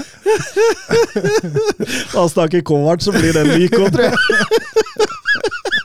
Den blir fla er det ikke flat, man sier? Blir ikke varm i bamsen av det. det, det kan du trygt si. Nei. Men vi må over til Leipzig, eh, Borussia München, eh, Gladbach. Og det er Xavi Simons show fra starten. ja, han, eh, han styrer veldig mye der. Og både han og Olmo klarer å skaffe seg rom. Eh, Jeg syns Leipzig er veldig gode til å Jeg til, venta litt på at de to skal ha en god kamp sam Ja, og, det, samtidig. og, og den har de der. Ja. Uh, absolutt. Og jeg syns også Leipzig er veldig gode til å, til å frakte ballen kjapt gjennom eh, linjene til Glattberg. Uh, har en god del fine kombinasjoner der. Uh, samtidig med en oppender som ligger og truer bakrommet hele tida. er ikke lett for Glattberg å forholde seg til. og da blir det innimellom litt større avstander sentralt, og den, den 1-0-skåringa som Simen sa, den er klasse, altså. Den er klasse. Den er helt enorm. Uh, Ha- Han, han har skåret seks, eh, seks eh, Bundesliga-mål denne sesongen. Fem av dem har han gitt RB Leipzig ledelsen 1-0. Ja. Snakk om uh, impact-spiller, da. Ja, viktig, viktig spiller for, for Leipzig til deg. uh, definitivt. Og Leipzig har jo full kontroll i den kampen. Nei. Uh, setter jo, jo 2-0 også ved, ved Oppenda. Og har, altså, ja, da Glattberg har et par sjanser på slutten der, for all del, men, uh, det, det virker, men, men, men når man ser på den kampen, man tenker ikke på at uh, at det skal være farlig. Man tenker egentlig at Leipzig har et veldig godt grep om den kampen. der, og en veldig, en, ve- en veldig positiv kamp for Leipzig som har slitt den sesongen her. Eh, Jeg syns pilene da nå, altså etter den, eh, den realkampen, de peker litt riktig retning nå. Så var de gode nå, delvis også mot etablert forsvar. Ja, ja, helt klart. Og det, det, det blir dem jo når eh, du får skrudd på Olmo og, og, og Xavi Simons i, i mellomrommet. En Xavi Simons som han har jo mer tikki taka i seg enn hele Barcelona til sammen. As we speak. Og Adrian Tømmernes spør hva tror dere skjer med Simons til sommeren? Ja, det er et godt spørsmål. Leipzig har jo veldig lyst til å beholde ham. Eh, Har de- har det, søren? Hvem hadde trodd? Eh, det det fins jo, det finnes jo medier som går ut og hevder at uh, Xavi sjøl ikke har lyst til å gå tilbake til PSG.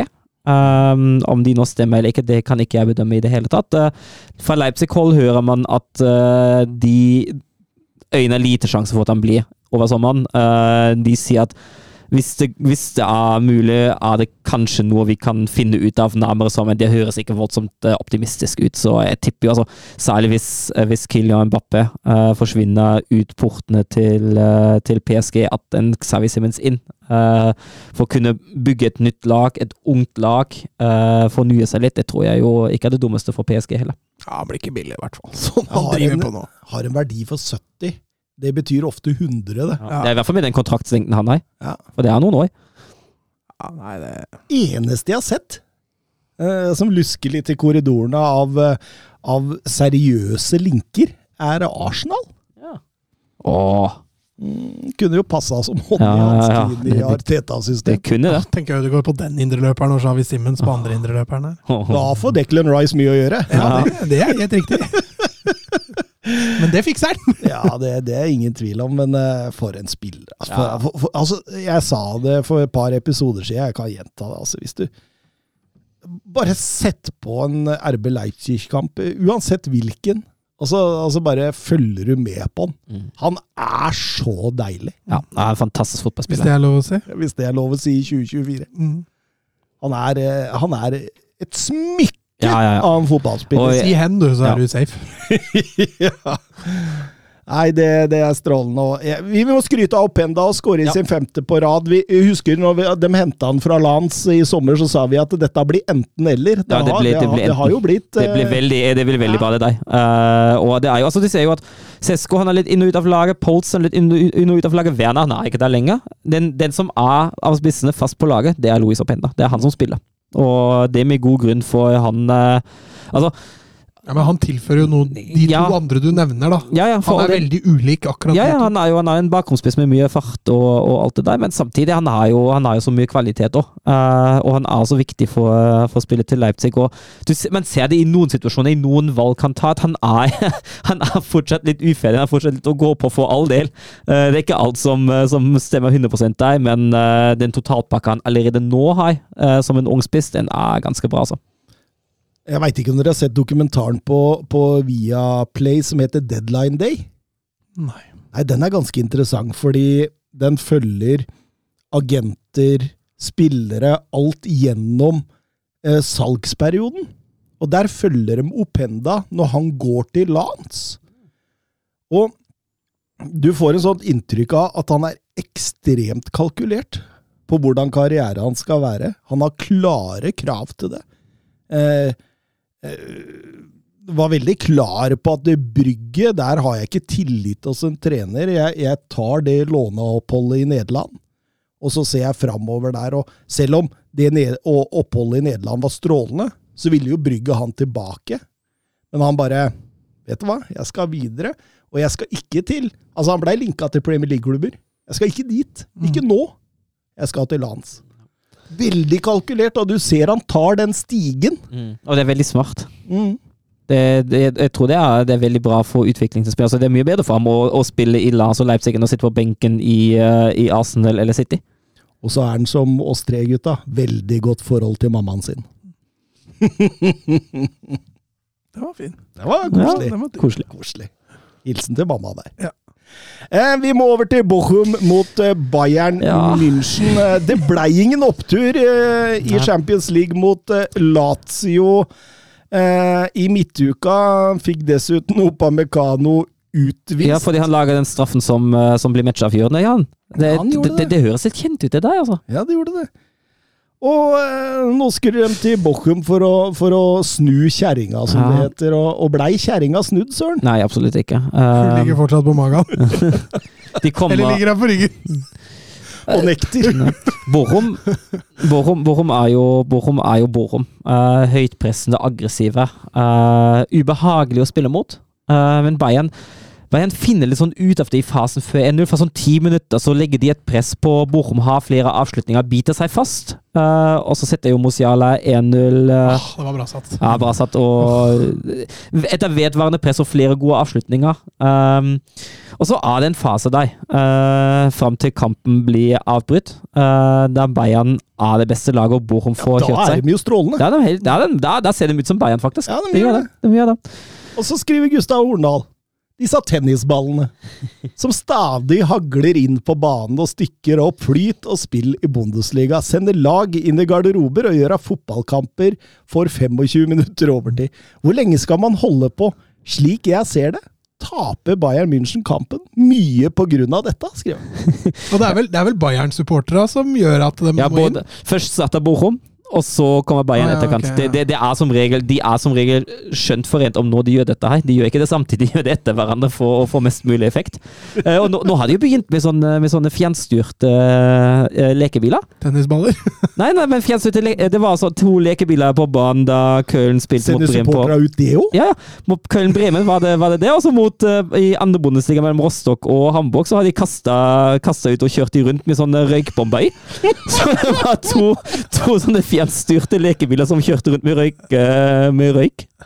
Men, men dette kan jo påvirke sportslivet hans. Ja, ja, selvfølgelig. Og det kampen nå er jo et kjempebevis på det. Eh, Selvfølgelig. altså Du får jo en ekstra pause. For Bochum sin del så betyr det små justeringer, noen kloke ord, begynne litt på nytt etc. For Bayern betyr det at man må opprettholde noe som allerede funker, og det, det, det får man jo stykke opp, da. Ja, eh, og de kommer, kommer til å holde det på fram til de mener at de blir hørt. Um, det, kan, det kan ta en stund, men nå, nå begynner jo flere og flere i, eh, i DFL som har noe å si, uh, å snakke om at man kanskje bør stemme over det hele på nytt. Ja. Uh, med tanke på at den første var Altså et hovedproblem Det ene problemet er jo i det hele tatt at man stemte ja, men det andre problemet er at det var hemmelig avstemning, og han eh, han Martin Kind, han eh, sjefen i Hannover, etter alt å dømme eh, brøt med medlemsdemokratiet fordi medlemsdemokratiet hadde sagt nei. Hadde sagt til ham du må stemme nei, og så stemte han ja likevel. Men det var hemmelig valg, så ingen vet 100% sikkert, men det er ekstremt sannsynlig at det han har gjort. Uh, også med tanke på hvordan han har oppført seg i etterkant.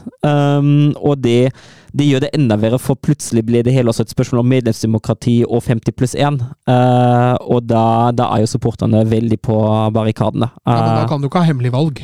Nei, eh, og det er det de sier nå, at neste valg de tar skal ikke være hemmelig. Uh, og det Vi får se. Uh, supporterne ønsker jo gjerne at alle, alle klubber skal innkalle til ekstraordinært medlemsmøte for at medlemmene skal avgjøre hva de skal stemme. Uh, om klubbene gjør det eller ikke, det, det, det gjenstår seg. Men eh, den konflikten kan nok uh, vedvare. Den har jo vært siden før jul, og supporterne har stått på og protestert i hver eneste runde siden da.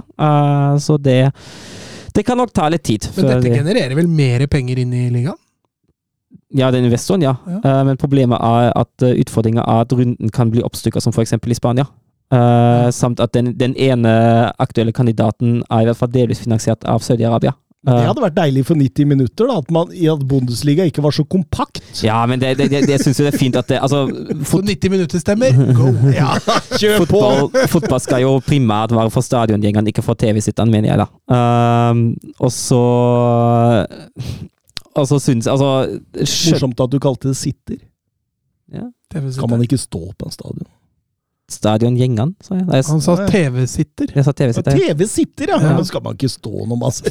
Nei, Jeg, jeg så mye når jeg ser Wolfsburg, men det er Det er, mer, det, er, det er jo mer penger i TV-sitteren enn i stadiongjengeren. Det, det er det som var, som var utfordringa, ikke sant? da? Mm. Så det, Men ja, men det, man må bare regne med tennisball i neste runde. Uh, så Og neste der igjen. Hei! Og neste der Ja, igjen. og, og, og, og fjernstyrte biler og hva ikke andre ting uh, man finner på av morsomheter. Men ja, uh, spillet til Bayern får jo et brudd eh, i den pausen, da, og Borom, Bochum kommer ut. og Borom snur kampen med to kjappe skåringer. Um, og så finner Bayern aldri helt ut av det. Jeg syns Bayern er fryktelig skuffende, også i andre omgang. Da, da ser det ut som det Bayern-laget som som vi har snakka om de siste ukene og månedene. At uh, det er statisk, det er seint, det er dårlig tempo, det er for mange touches, det er for få bevegelser, det er ekstremt svakt mot, uh, mot etablert forsvar. Og Den blir, den blir nesten bedre når Opa Mekano klarer å få ja, rødt Jeg er helt enig! Når de spiller 10 mot 11, det blir, det blir litt bedre. Men eh, jeg, jeg lurer på om altså, Særlig på, på 3-2, da. Uh, det kan jeg ta Opa Mekano først. Han blir jo utvist, lager straffe og ja. Bochum går opp i 3-1. Han 3 gjør så godt han kan der for Bochum, ja. Ja.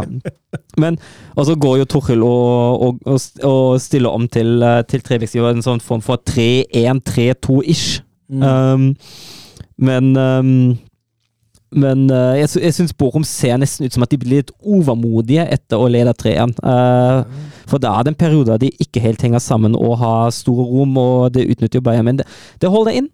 Mm. Eh, og Bayern går på sitt tredje tap på en uke. Det, det, det har ikke skjedd hver dag.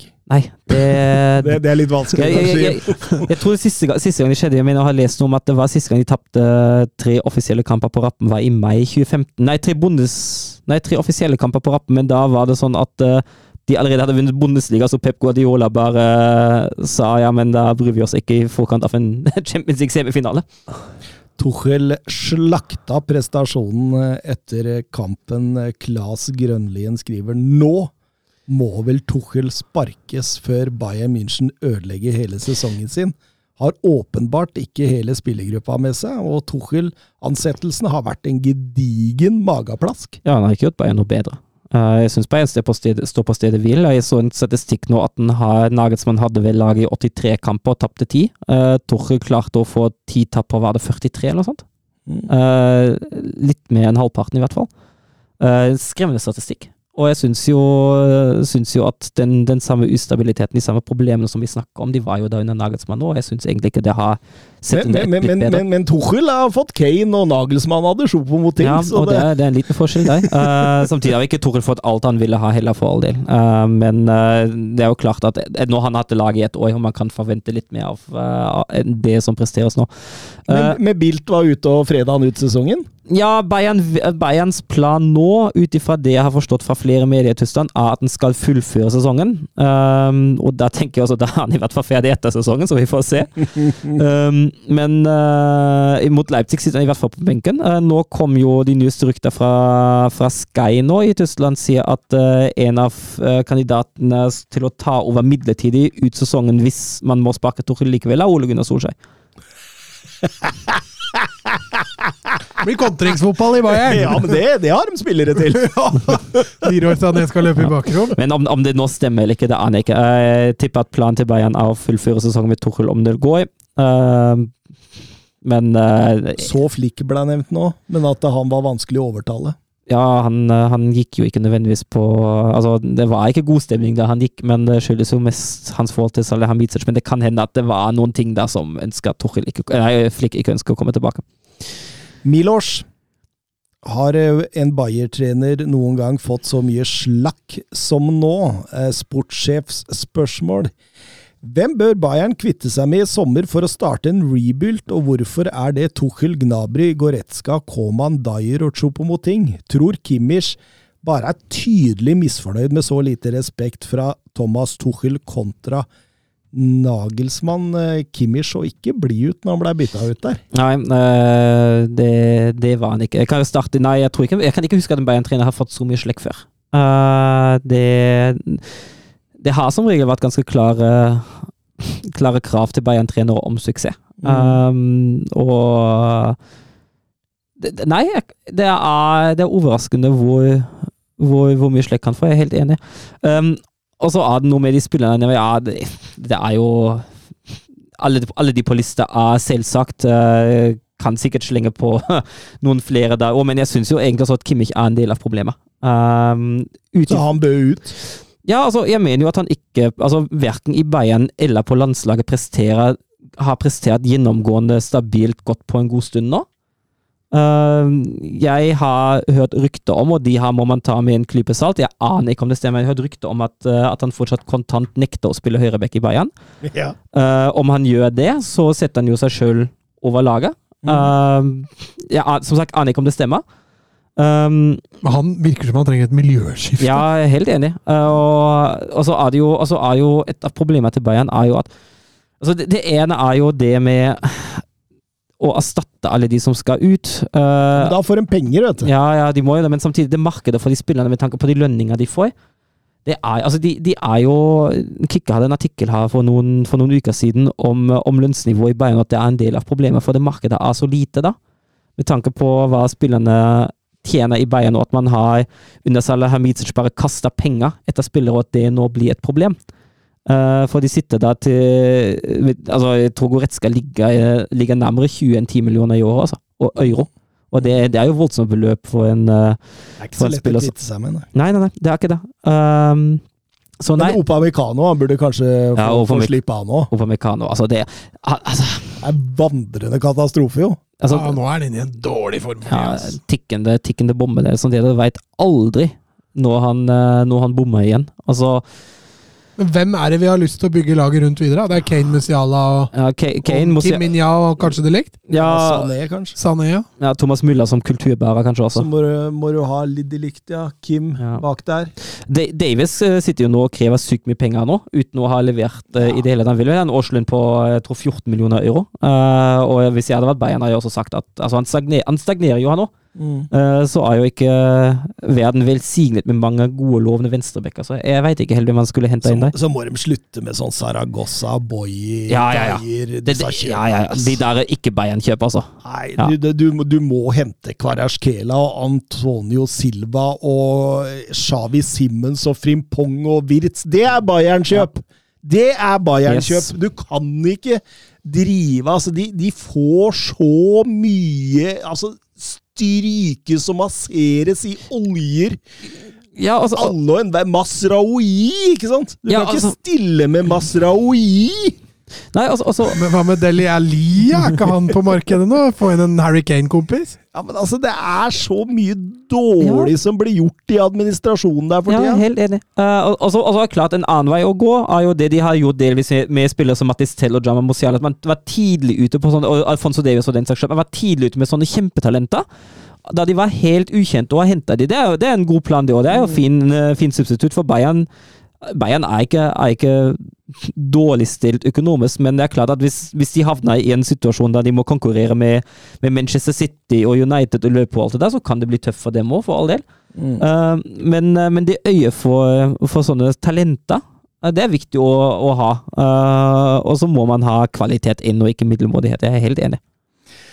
Vi får ta med at Stuttgart vinner 1-2 borte mot Darmstadt. Og Gurasi og Undav nå har 32 mål til sammen etter 1-0-skåringen til Gurasi. Det betyr at de to angripere har seks mål mer enn hele Wolfsburg, Ja. eksempel, og har ha, ha flere mål enn en hele europajagende Verde Bremen. Det, det, det forteller mye om disse to.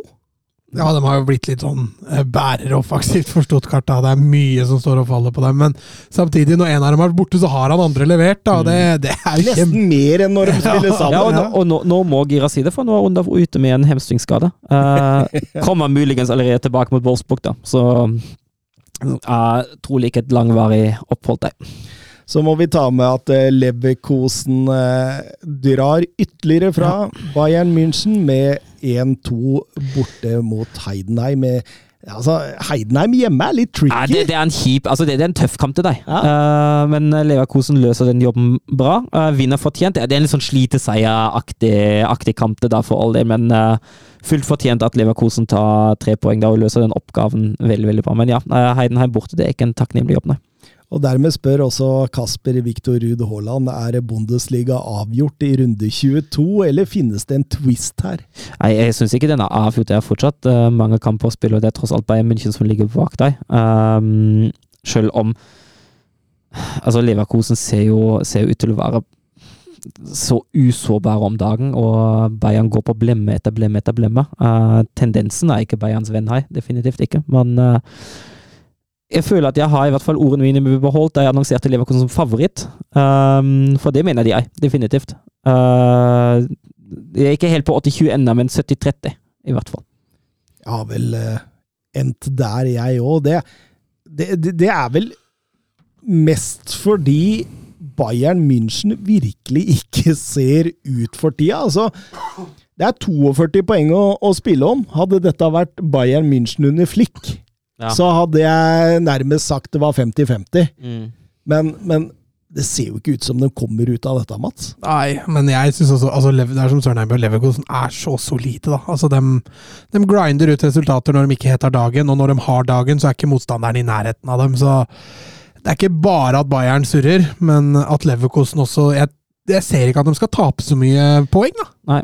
Og du ser dem som er ferdig, De er jo ferdig med Bayern nå. De, Ja, de bo, ikke- de har Dort, Dortmund borte, har de vel fortsatt. Men, ja, eh, så har de vel Freiburg borte, eller noe sånt, som har noe tøft igjen. Men det er ikke noe sånn uoverkommelig for dem, da. ja Bayern, har, Bayern har Leipzig hjemme neste helg, så den er, bare den er jo tøff. Ja, eh, vi må over til europahjørnet. Bra jobba, gutta! Bra ball! Ja, grei offside. Tor Håkon, den er grei. Tor Håkon! Nei, Tor Håkon, det var din egen skyld. Ikke bli sint for det, i hvert fall, da.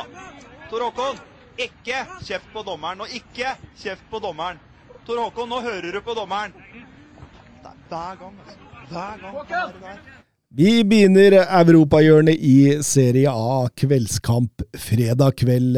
Med seier kunne Inter få hele ti poengs luke ned til Juventus, men det blei aldri noe brødreduell mellom Simione og Pippo Insagi, da Pippo eh, fikk sparken etter 1-3-tapet hjemme mot Empoli sist helg, og Fabio Liverani har, har tatt over, og da kan man jo tenke hvordan det går med Salernitana. er ikke våt som på, det viser jo den kampen. Altså, det er jo det er jo et interlag som kunne lede med, med 2-3-0 før det var spilt uh, nesten ti minutter. Altså. Uh, går, jo, går jo ut voldsomt her og setter egentlig skapet på plass med en gang. Viser godt hvilket lag som, uh, som jakter gull, og fullt fortjent når de tar ledelsen litt over et kvarter spill opp er ball i hatt, Mats! Ja, dette var fullstendig enveiskjøring. Det var litt det du var innpå med, med Atletico. Der. Det, det, minner litt om den kampen også, eh, med at de, de, dominerer fullstendig både banespill og, og alt sammen. Og Salernitana er, de er faktisk ikke i nærheten. De er ikke i nærheten. Så Inter kunne jo allerede begynne å hvile spillere til pause, så eh, her, her var det rett og slett ikke kjangs. Lautaro Martinez, en av målskårere, har hans 20. Serie A-mål denne sesongen. Tre sesonger på rad leverer han 20 pluss i Inter-trøya nå. Det er kun Giuseppe Messa og Stefano Nayers som har klart det i klubbhistorien det, det tidligere. Det er en stund siden. Ja, det, det, det er 30- og 50-tallet. Ja. Begynner han å nærme seg legendestatus nå? Ja, én ting er jo prestasjonene, men han har jo vært i klubben lenge nå, så han, han begynner å bli en gjenganger der. Eh, og trives. Vil ja. aldri bort. Og uh, han, han, satser nok på å vinne flere trofeer i Inter uh, før han eventuelt bytter, så ja, At det er statueprosjekt er vel kanskje å ta i, men en liten legendestatus, det, det, begynner han jo å nærme seg, syns jeg. Ja, for det, det, dette her var et virkelig statement. altså. Det var fredag kveld, det var før Milan hadde spilt, det var før Juventus hadde spilt, og det var, det var rett og slett en beskjed til dem at vet du hva, det er nytteløst å ta oss. Vi er dere fullstendig overlegne, og eh, Altså, stakkars Liverani som får dette her. Altså, de, de, altså Inter tar innkast i bakrommet og skårer mål! altså, da, da Det sto på taktikktavla før de gikk ut på banen, det. Nei, det var eh, fullt overlegent, og Fredrik Stjerna skriver Inter med ni poengs luke med én kamp mindre spilt til Juve og Milan. Champions League-finale sist sesong, overlegen i Serie A denne sesongen. Kan de bygge på dette og dominere over tid i Serie A slik Juventus har gjort? Ja, Forutsetningene er jo kanskje deg. Uh, unntatt av økonomi? Unntatt av økonomi, ja, for, men den, den, har ikke Juventus heller. Um, så det, det, er sånn det da, Hvis de kommer seg gjennom den der økonomiske kneipa uten å måtte kvitte seg med altfor mange gode spillere uh, Definitivt, for jeg ser ikke helt, uh, helt, hvordan i hvert fall Juventus skal kunne tette den luka her med tanke på å stå der. Og det virker også til å være en klubb som har kjørt seg litt fast i sin egen fortid, uh, hvis man kan si det på den måten der. Uh, men samtidig, samt, beklager, samtidig har, har jo Serie A-historien nå i de siste åra vist at det er en ganske jevn liga egentlig. Det er jo egentlig Altså, ja da, uh, Napoli dominerte stort i fjor, Inter dominerer stort i år, men, men det, er, det, at to forskjellige klubber dominerer uh, to sesonger etter hverandre, det viser jo egentlig også at det er i utgangspunktet ganske tett mellom topplagene. Mm. Mats? Ja, nei, Jeg skulle bare si at sist Inter hadde, hadde en sånn flyt, da, det var jo under Mourinho. Uh, og da gikk det jo virkelig dundas etterpå. Da satsa de over evne. Så, så, det handler litt om hva de gjør når, og, og forvalter det de har nå, da. Uh, det er som det er innpå økonomisk, det er der de eventuelt kan falle, men det er litt uh, den Altså, ja, Serie A er veldig, er veldig, jevn, men toppen av Serie A er ikke toppen av Premier League, så de kan allikevel få en luke der, så får vi se åssen de forvalter det. Ja, så er det sånn det går jo stygge rykter at øh, de må selge en av sine beste også i, i sommer.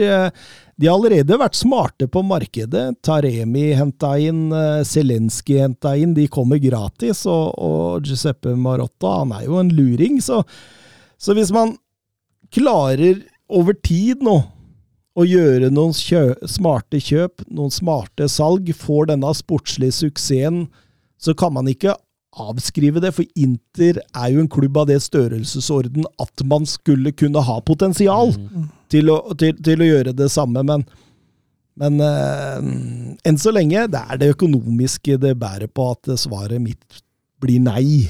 Det blir ikke noe Juventus, liksom. Eh, vi må over til eh, Napoli-Genoa. Et Napoli som har tapt altfor mange poeng hjemme på Maradona denne sesongen nå. Og nå var Mats Harry tilbake igjen. 4-3-3, Mats. Ja, vingler, vingler, vingler. Eh, klarer ikke helt å finne ut av det, spesielt på hjemmebane, som du er inne på. Eh, det å dominere kamper og, og, og ta med seg poeng. Eh, Artig selvfølgelig at Østigård går inn i elveren, men jo en, han spilte jo en svak første gang sist og ble bytta ut til pause. Det samme skjedde. Han fikk hodeskade nå. Ja, men han ble bytta ut også nå til pause.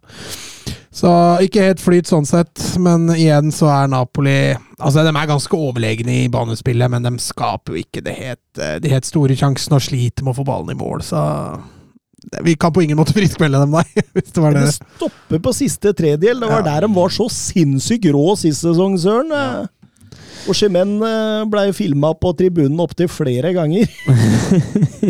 Ja, de kunne hatt behov for ham for all del, uh, men det er jo ikke bare ham det står på. Det er jo det sånn angrepsmønster sånn som absolutt ikke sitter lenger. Uh, man ser jo det er jo Det er jo en, eh, en klar nedgang fra, fra det de hadde i fjor, og ja, det, det er så synd hvordan det har blitt nedbrutt, altså.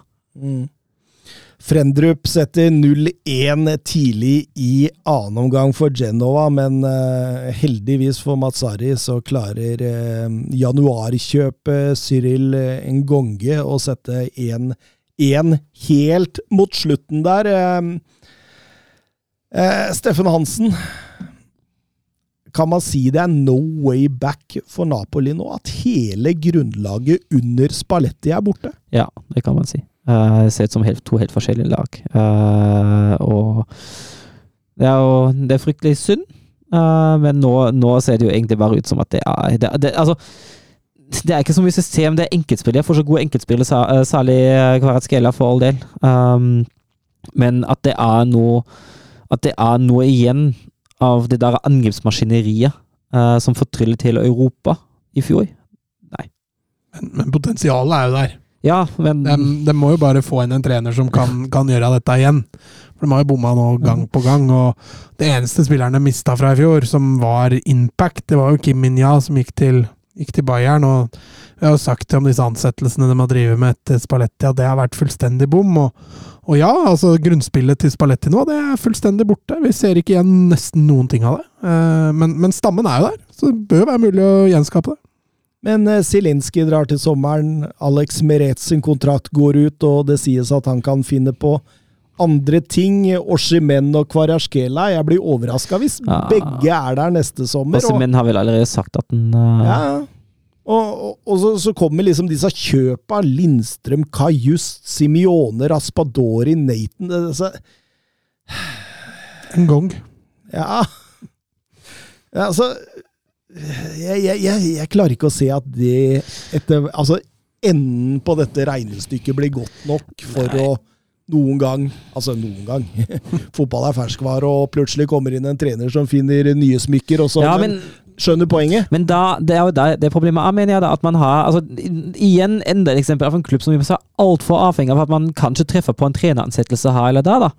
Uh, Istedenfor at man står for en fornuftig filosofi som man eh, viderefører og videreutvikler, og, og har en rød tråd i det man driver med, så er det rene tilfeldigheter. Det virker som at man tenker at ja, men han spilleren har, ja, men han har jo, han har jo skåra litt for, for Hellas, og henter vi ham, og han treneren har, ja, men han var jo god i, i Marseille i, eh, i, i et år i et år, og ja, men uh, han er ledig nå, så henter vi ham. Det er sånn det da, at det, det er ikke noe system bak, det er ikke noe tanke bak, eller jeg ser jeg fikk ikke noe tanke bak, det virker så sammenrøska og tilfeldig.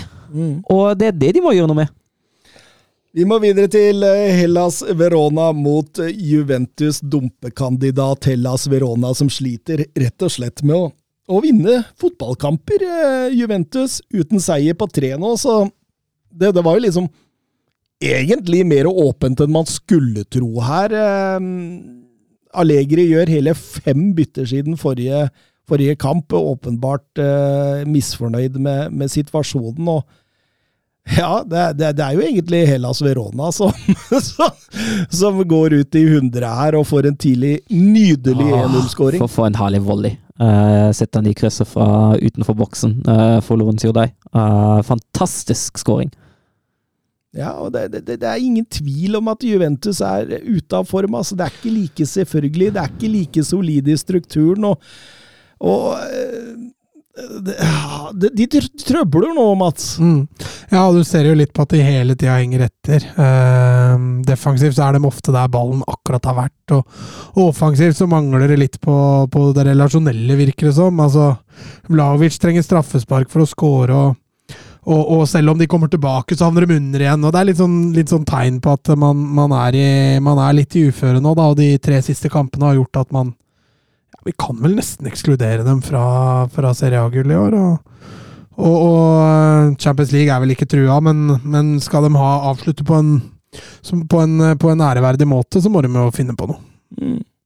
Fire kamper uten seier på, på rad nå for Juventus. Det, det, er klart det at de faller nedover. og er er i ferd med å bli tatt, uh, tatt uh, igjen av Milan. Altså, det hadde de blitt hvis Milan hadde vunnet borte mot uh, Monza. Altså et, et Monza-lag som knapt altså De har en fæl statistikk mot Milan, så man skulle jo tro det skulle gå greit, men Nei, men uh, legger seg jo voldsomt defensivt, og Milan Pioli han bytter seg jo til tap, de. Egentlig han roterer seg til tap. Seks bytter fra forrige kamp, og Giro og Leao blant annet på benken.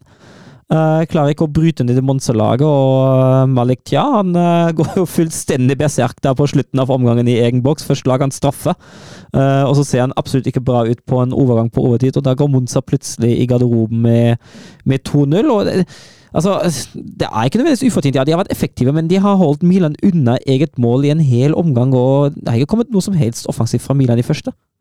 Nei, kaster innpå Leao og Pulisic og pluss Reinders der for å bli og, og, bytter seg egentlig sterkere og skal på en måte ta igjen Monza, men uh, Mats, der er det dumt å være Luka, Jovic. Ja, nei, det hodeløst der som pådrar seg, pådrar seg rødt kort, og da, da, blir jo veien fram Han pådrar seg tidlig andre omgang òg, så veien fram blir jo veldig lang, da.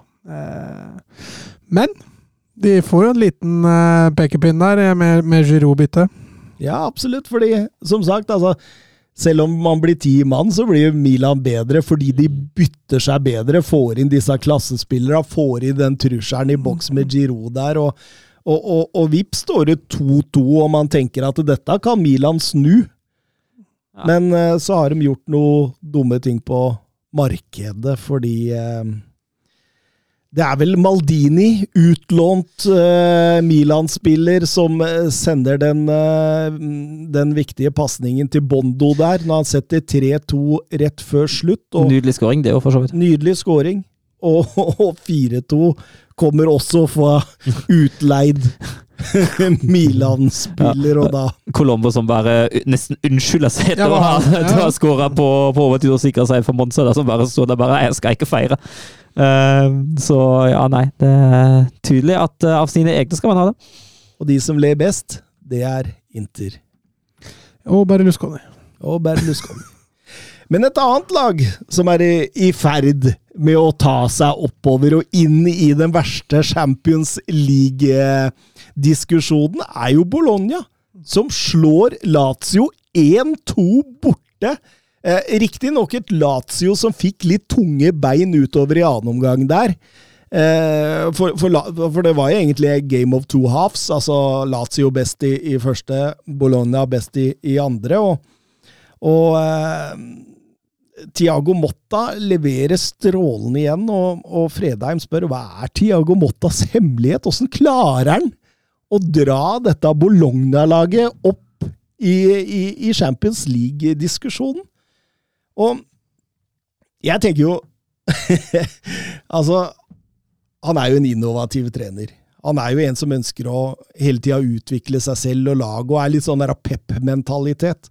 Eh, var vel i Genova han blant annet prøvde den 2-6-2-formasjonen som, som hele Europa satt og lo av. Og han har jo sagt i et intervju at han har latt seg inspirere av trenere han har hatt tidligere, og den lista er jo lang. Det er jo van Gaal, det er jo Mourinho, det er jo Unai Emery, det er jo Det er jo masse store, store navn der, og har han, han er jo en sånn trener som han, har en filosofi som gjør at spillere må spise litt av hendene på han. Altså, de må stole på han, de må, må på en måte følge systemet. og da er det vel smart da, å ha et lag fullt av unge spillere som vil opp og fram. Jeg kan tenke meg det, at de, de, de, de kjøper all budskap, og de har en gjerdighet og en, en altså se, se, den midtbanen, da! Se den løper, da!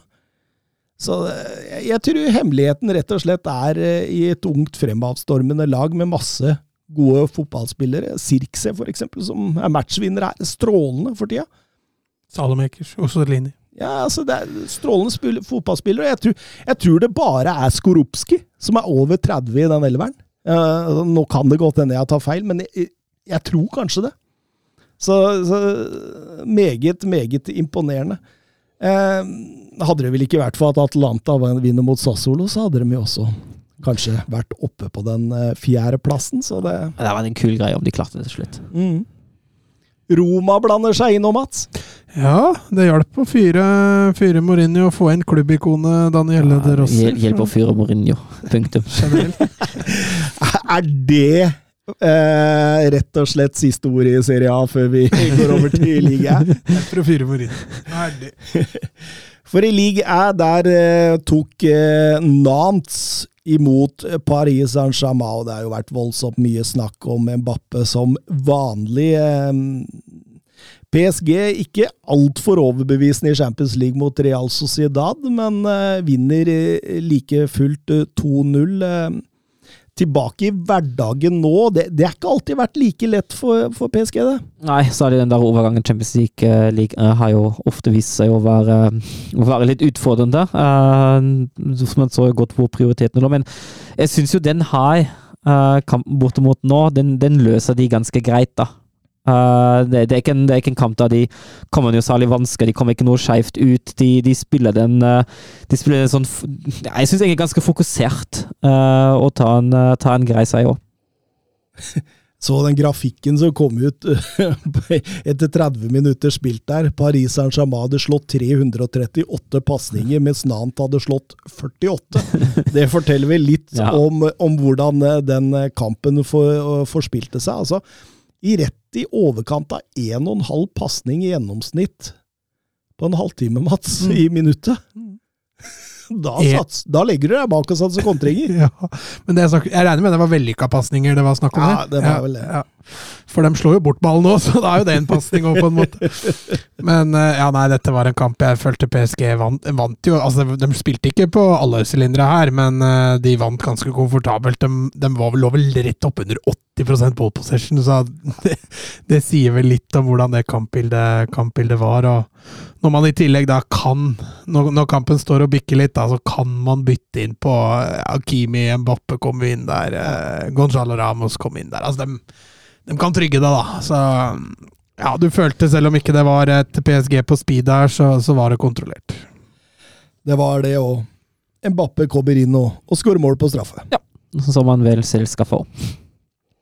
Eh, lagene bak PSG Brest vinner 1-0 over Marseille og tar seg helt opp på andreplass, Mats. Eh, Det er jo ekstremt imponerende mm Mhm. ta til betraktning at de spiller en tredel av kampen med ti mann. Ja, det er sterk, eh, sterk prestasjon, og særlig mot et annet topplag, eller det som egentlig skal, det er det som skal være topplag, da. Eh, og å vinne likevel, det er sterkt.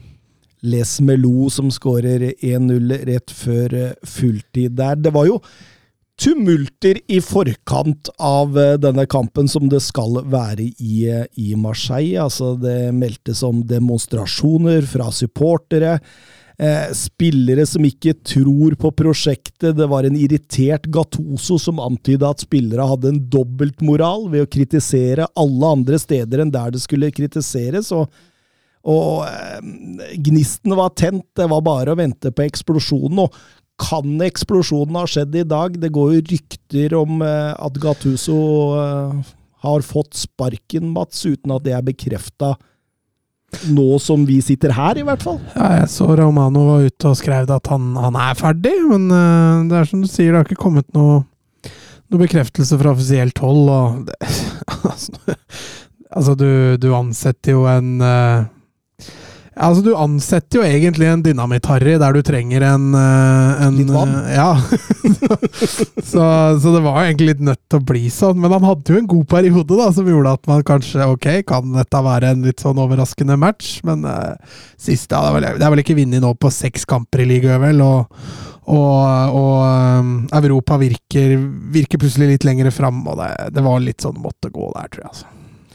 Sampaioli stakk søren når, når han ikke fikk de spillere han ønska. Tudor stakk med beskjed om at ett år i Marseille er som, som tre andre steder. Marcellino stakk da han fikk trusler fra fansen og følte for egen og familie sin sikkerhet. Eh, Nå forsvinner sannsynligvis eh, ildtønna Gattuso med beskjed om at eh, vi har truffet den absolutte båndpunkt. ja. Men vi, vi sa jo det når han ble vi- ansatt, ja, det- dette jeg jo ikke. Jeg hadde ingen tro på prosjektet Gattuso deg. Uh, det er jo Altså, dette er jo kroneksempel på en trener som får fortsatt jobbe pga. navnet han hadde som spiller. Uh, for han har egentlig ikke vist noe, vist noe som helst noen steder. Uh, så at uh, toppklubber, eller de som ønsker å være en toppklubb, fortsatt gå etter ham, det skjønner jeg ingenting av, for det endte som det måtte ende. altså. Ryktene skal ha det til at Jean-Louis Gasset skal ta over ut sesongen. Da snakker vi altså Vi snakker stort sett assistenten til Laurent Blad, som har prøvd seg litt i, mot slutten der, og, og fikk vel fyken i Elfenbenskysten rett før Afrikamesterskapet. Ja, men det, det, det er jo begrenset hva man får som caretaker i, til en sesong. For hvis man skal ha inn en ny en som altså, Hvis de allerede har bestemt seg for, for at de skal starte på nytt i sommer, og nå skal få en til å, til å ta over det er, ikke- det er ikke mange som setter seg på benken i fire måneder nå. Eller tre. Og det var en god runde for Brest. Eh, NIS taper, Monaco taper. Eh, det går som det går i league. Eh, det er ikke noe lett å Det er liksom å ingen som vil bli nummer to der. Nei, det, er- det, er- det er vanskelig. eh, Og da, da spør Oscar Pepito alltid en Askeladd i toppen av ligaen. Fjor var det Lans, eh, sesongen før var det Strasbourg oppi der. Og før det igjen vant Lill ligaen, og sånn kan man holde på tilbakeover i tid. Hva er grunnen? Nei, altså, jeg, jeg tror jo mye av det. Altså, hvis man skal generalisere det litt og sammenfatte det litt, um, uten å gå spesifikt inn, fra, inn i de enkelte klubbene, uh, så har jo veldig mye å gjøre med uh, at jeg mener at ligaen er utrolig jevn. Uh, I hvert fall bak PSG. Man har PSG som stikker seg ut, men bak da er det veldig, veldig jevnt. Um, det er både på godt og vondt da, at det er fryktelig spennende, men samtidig har vi drøssevis av lag som ikke er særlig konstante, som ikke leverer konstant, som, uh, som taper kamper de bør vinne, som uh, som sjangler. Uh, og da er det litt lettere for en Askeladd når avstanden i utgangspunktet ikke er så stor opp. Uh, når det er en situasjon der nesten alle kan slå alle, uh, og, og komme seg opp. Eh, Ja, jeg tror det er vel mye av der det ligger. Altså Avstanden fra nummer 18 til nummer 6 da, i ligaen er ikke så stor. Avstanden fra nummer 20 til nummer 6 i La Liga Premier League, altså den er jo mye større. Så det er klart, ja, du kan få en Askeladd. Altså en Leverkosten skulle gå opp og vinne Bundesliga i år. Det var ingen som så det komme. Eh, og du har en Girona i Spania. Altså, du, du har Askeladder der også, da, men avstandene er så små, da. Så du, du ser det jo på tabellen. Altså, Marseille ligger vel på niendeplass nå. Det er midt på tabellen. Det er bare ti poeng opp til eh, til eh, tredjeplassen. Så det er liksom ikke Det er ikke Og fem poeng bak Marseille, så kommer faktisk Lyon. Ja. Og de har jo hatt en elendig sesong, egentlig, selv om de har kommet veldig bra nå. da, så Avstandene der er jo De er så små da, at eh, det er liksom bare to seire fra eller til, så kan du ligge i Europa. Taper du tre på rad, så er du plutselig i nedrykksstrid. Så Nei, det, er, det har litt med, med avstander og kvalitet og, og forskjeller. 13 poengs luke fra PSG til Stad Brest nå. ja, det sier jo alt. Det sier alt, mens eh, fra Stad Brest på andreplass, og skal vi si for eksempel la, ned til Lans da på siste europaplass, altså nummer seks, så er det fire poeng. Mm, ja. Det er fint det er spenning noen steder i ligaen, i hvert fall. da. det er gøy! Da var vi faktisk gjennom. Ja, fortsatt ikke under to. Nei, men det, det får faktisk uh, tennisballen i Bundesliga Ja, og Thomas Tuchel skylda for. Det, Altså. det, vi kan skylde på det. Det er helt greit, det. Over, overtid i 90 minutter pga. tennisball i Bundesliga også. Det Men vi skal klappe oss selv på skulderen og si vi har blitt bedre på å utnytte tida. Ja, det har vi. Stemmer det. Adjø. Eh, jeg, jeg, jeg, vi, vi kan si til eh, kundene våre, holdt jeg på å si. Driver bordell her, du. at uh, det blir ikke noe neste uke. Nei, det blir det ikke. Da har vi Det var bra dere sa fra til meg òg, så jeg ikke dukka opp her neste uke. Ja, og, Ja, så du, må, du kan spille og, så- og så sjøl. må dere ha med gjest uh, uke etter. Ja, stemmer det. Og da kan dessverre ikke jeg være med. Eivind Bisgaard Sunde, eller? Ja, skal vi Du kan jo høre med en du som har blitt buddy. Jeg vet ikke om jeg har kontakt, for jeg kan Jo da, det har du. Du har den på Tinder til eller noe sånt, tenker jeg. Ha det bra! Ha det. Surging forward with real menace here. Brilliant from Messi.